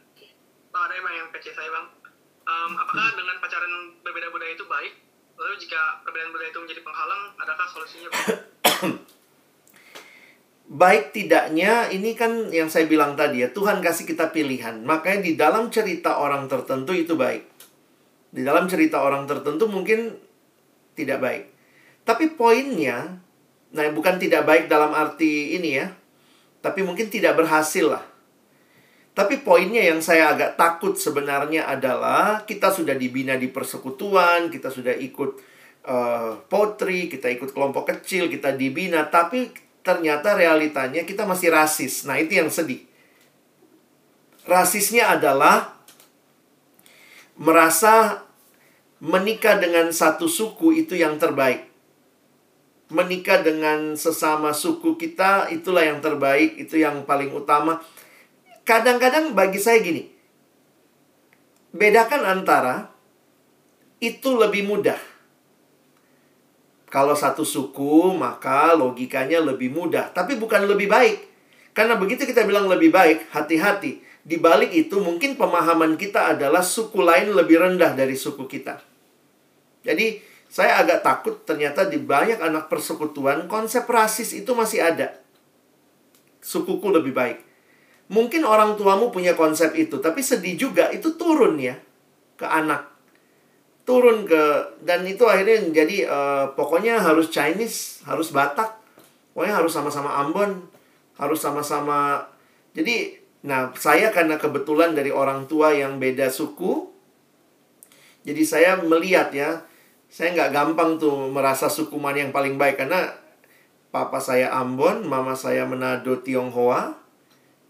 Bagi saya, uh, saya udah lihat lah berbagai warna begitu ya tapi realitanya ternyata banyak orang yang masih merendahkan suku orang lain. Jadi di balik pertanyaan itu, kalau konsepmu adalah sukuku lebih baik, ya you miss the point. Kamu masih rasis. Sementara Tuhan bilang di dalam Kristus kata Paulus, Galatia 3 ayat 28, tidak ada lagi laki-laki perempuan, orang barbar, orang skit, kita semua satu dalam Kristus. Nah, melihat satu dalam Kristus berarti tidak ada satu suku yang lebih tinggi dari suku yang lain. Jadi hati-hati ya, karena kita dibesarkan sama orang tua yang cenderung atau budaya juga yang cenderung rasis, membuat ras tertentu lebih tinggi dari ras yang lain. Hmm, kalau orang tuanya gimana bang? Nuntut, nuntut. Uh, harus sesuku, sesuku apa sesuku? Gimana tuh bang? Kalau kamu tahu itu nggak benar, poinnya begini banyak orang lebih takut sama orang tua daripada sama Tuhan ya. Bukan berarti saya suruh kalian lawan orang tua. Tapi kalau itu pergumulan dan perjuanganmu, maka doakanlah orang tuamu akan melihat bertumbuh di dalam Kristus. Itulah basicnya ketimbang satu suku atau satu ras. Makanya saya selalu baliknya gitu. Bertumbuh dalam Tuhan nggak? Satu gereja, tapi dia nggak bertumbuh dalam Tuhan, ngapain? satu gereja, satu ras lagi, satu suku lagi, tapi dia nggak bertumbuh dalam Tuhan. Ngapain? Sementara dia bertumbuh dalam Tuhan. Dia kenal Tuhan sungguh-sungguh, terima Yesus sebagai Tuhan dan Juru Selamat dan bertumbuh. Beda ras, beda suku. Bagi saya itu lebih baik jadi pilihan ketimbang satu satu suku tapi nggak bertumbuh. Jadi kalau orang tuamu memaksa kamu dengan orang yang nggak bertumbuh, saya pikir kamu mesti punya pilihan bagi saya bukan menyenangkan orang tua. Pernikahan itu untuk menyenangkan Tuhan. Jadi, tempatkan orang tua jangan sebagai berhala, tetapi sebagai orang tua yang baik, yang perlu kita taati. Tapi kalau nasihatnya tidak sesuai kehendak Tuhan, maka dalam pergumulan kita harus berkata tidak kepada orang tua. Saya belajar itu ya. Dulu saya pikir karena saya kan dibesarkan dalam pemahaman ya, saya sangat sayang sama orang tua saya gitu ya. Tapi kemudian saya waktu makin kenal Tuhan, saya jadi belajar. Ada titik tertentu dalam hidup, saya harus lebih memilih taat kepada Tuhan daripada taat kepada orang tua saya. Jadi di situ saya belajar tidak taat sama orang tua. Aduh itu bergumul banget. Karena kalau saya taat sama orang tua, saya nggak ada di sini sekarang sebagai seorang yang melayani Tuhan. Karena orang tua saya nggak setuju saya jadi hamba Tuhan. Jadi waktu saya tidak taat sama orang tua, saya tetap memilih saya mau melayani Tuhan. Orang tua saya marah besar. Tapi saya tahu ini kehendak Tuhan, maka saya memilih taat kepada Tuhan. Konsekuensinya saya nggak diajak ngomong sama papa saya selama satu tahun. Ya itu konsekuensi. Tapi akhirnya saya jadi sadar ya Tuhan akhirnya bukakan hati papa saya. Makin mengenal, melihat pekerjaan Tuhan dalam diri saya. Tapi di situ saya jadi melihat. Hati-hati taat buta sama orang tua. Apalagi kalau orang tua kita juga ya tidak ada orang tua yang sempurna. Kadang-kadang orang tua kita rasis Orang tua kita itu dah sama dia aja, lihat gelarnya, lihat mobilnya. Dia kaya. Kalau kamu sama dia mama tenang deh, mama pokoknya seneng. Lalu kemudian kita iya aja. Loh, tanya dulu dia dalam Tuhan apa tidak? Dan justru kalau kita sanggup, jelaskan kepada orang tua kita bahwa yang paling utama bukan dia punya apa, tapi apakah ada Tuhan dalam hidup dia yang membuat dia punya segala-galanya. Yesus berkata, "Untuk apa seorang memperoleh seluruh dunia kehilangan nyawanya?" Jadi itu cara berpikir ya. Kamu taruh Tuhan di mana di hidupmu dan di mana orang tua. Mungkin terakhir ya bang terakhir. Oke. Okay. Bagaimana bagaimana kalau cewek yang nyatain perasaan duluan bang? Salah sih. ini mungkin banyak ini juga ya cewek-cewek yang. Saya, saya harus jujur mengatakan saya no problem sekarang kalau cewek nyatakan duluan. Apalagi banyak cowok-cowok persekutuan nggak berani nggak berani maju mau bisanya deket doang nggak jelas gitu ya ada yang deket sama ada satu cewek ya anak persekutuan datang sama saya bang dia maunya apa sih dia tanya ke saya saya bilang emang dia lakukan apa dia udah sebulan ini bang tiap hari atau seminggu bisa dua uh, seminggu tuh bisa empat lima kali uh, jemput aku ke kosan, terus kita ke kampus bareng. Apa sih dia mau apa sih bang? Dia nanya sama saya gitu ya. Dia mau apa sih bang? Saya bilang, ya tanya sama dia kok tanya sama saya gitu ya. Jadi cewek ini merasa dibaikin cowok ini udah sebulan lebih, tapi cowoknya nggak ngomong apa-apa. Terus jadi dia tanya sama saya, jadi gimana bang? Saya bilang ya kalau saya jadi kamu ya belajar nanya. Nanyanya apa bang? Ya saya bilang ya ini juga kamu butuh keberanian karena dia cewek ya saya nanya, tanya sama cowok itu, apa maksud semuanya ini gitu kan? Apakah ini kedekatan sekedar kamu lagi pas lewat? Atau saya bilang tanya sama dia, jangan-jangan dia butuh ongkos gojek. Maksudnya dia gojek, jadi dia mesti dibayar gitu ya. Jadi poinnya adalah jangan ini ingat lagi prinsip abang tadi, jangan membangun kedekatan dengan lawan jenis dalam perhatian yang rutin, yang intens tanpa komitmen. Kalau seperti itu, nah ini jujur ya, cewek gampang baper. Banyak cowok-cowok nggak sadar bilangnya gini, aku memang sama semua cewek begitu bang. Gue saya marahin tuh cowok. Stop kamu, nggak boleh kayak gitu. Lo kok nggak boleh baik? Nggak, jangan baik sama semua orang. Karena buat cewek itu baper coy. Kamu mau urusin hati orang. Jadi kamu mesti jelas. Jangan nggak usah baik sama semua orang. Lebih baik kamu diketahui sebagai orang yang punya batasan dalam bersahabat daripada kamu baik sama semua orang membuat semua orang merasa kamu suka sama dia. Kenapa? Kalau orang lagi suka, kita lakukan tindakan apa pun, wih, dikaitin. Jadi saya ketemu seorang cewek yang saya harus yakinkan dia, cowok ini nggak ada apa-apa sama kamu. Wih, cewek itu susah banget. Tapi bang, Kemarin dia begini-begini sama aku. Dek, kemarin habis dengan kamu, saya lihat dia melakukan hal yang sama sama cewek lain. Tapi bang, coba ya, malamnya dia WA aku. Begini, begini, begini. Dek, jangan-jangan dia WA cewek itu juga. Tapi masa gitu sih bang? Jadi sebenarnya dia maunya apa dong bang? Saya bilang mana saya tahu, kamu mesti tanya. Tapi gue gak enak dong sebagai cewek nanya. Ya udah, kalau kamu gak enak, cari orang lain yang nanya. Akhirnya dia ikutin saran saya. Dia minta orang lain nanya. Orang lain nanya, ini juga bisa kita lakukan ya untuk cewek-cewek yang takut. Misalnya cari PKK-nya kah atau temen yang deket. Lu tuh sebenarnya sama si ini gimana sih? Terus cowoknya jawab, Hah? Enggak, gue gak ada apa-apa. Nah, cewek itu dikasih tahu, Enggak, enggak ada apa-apa. Datang lagi sama saya. Bang, masa sih katanya nggak ada apa-apa? Saya bilang, kamu udah udah dua nih yang ngomong ya. Maksudnya orang yang ini ngomong nggak nggak ada apa-apa. Saya juga kan asumsinya kayaknya nggak ada apa-apa. Masih nggak percaya nih cewek. Karena cowok ini baikin terus. Setiap dia komen apa di Instagram, di like sama cowok itu. Cewek ini komen, eh, tulis apa, di like sama cowok itu. Akhirnya saya bilang, ya sudah, sekarang kamu berusaha lah tanya sendiri. Ya tanya dia. Nah mungkin memang dia nggak nembak, dia tanya dulu, kamu ada apa? Sampai cowok itu ngomong nggak ada apa-apa, dia dengar langsung dari mulut cowok itu, barulah dia percaya. Nah, poin saya, banyak cowok merasa diri superhero, mau baik sama semua orang. Ada juga cowok-cowok persekutuan yang agak penakut, agak chicken gitu ya. Takut ditolak. Padahal kalau saya pikir jadi cowok itu harus berani ditolak. Udah nasib kita itu. Berhenti jadi cowok kalau kau takut ditolak.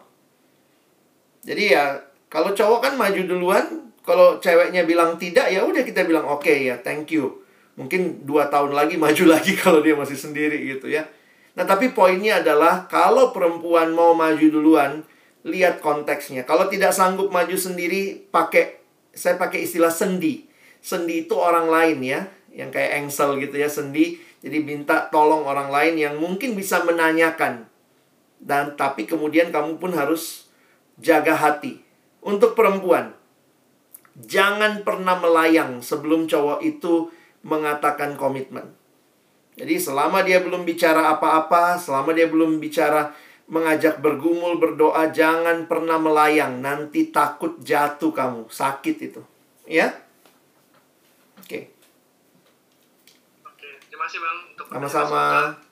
Ya, teman-teman yang tadi belum kejawab di Sido dan yang lainnya ya mohon maaf juga semoga dari 10 pertanyaan ini udah merangkum ya proses itu semuanya ya hampir semuanya tadi Oke. Okay.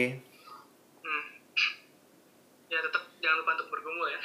Untuk cowok jangan jangan PHP jangan PHP dan untuk yang cewek ya berani lah kalau sudah didekatin oleh cowok itu. Um, untuk mungkin udah hari sudah kelar kita akan mungkin ada pengumuman sedikit ya. Jadi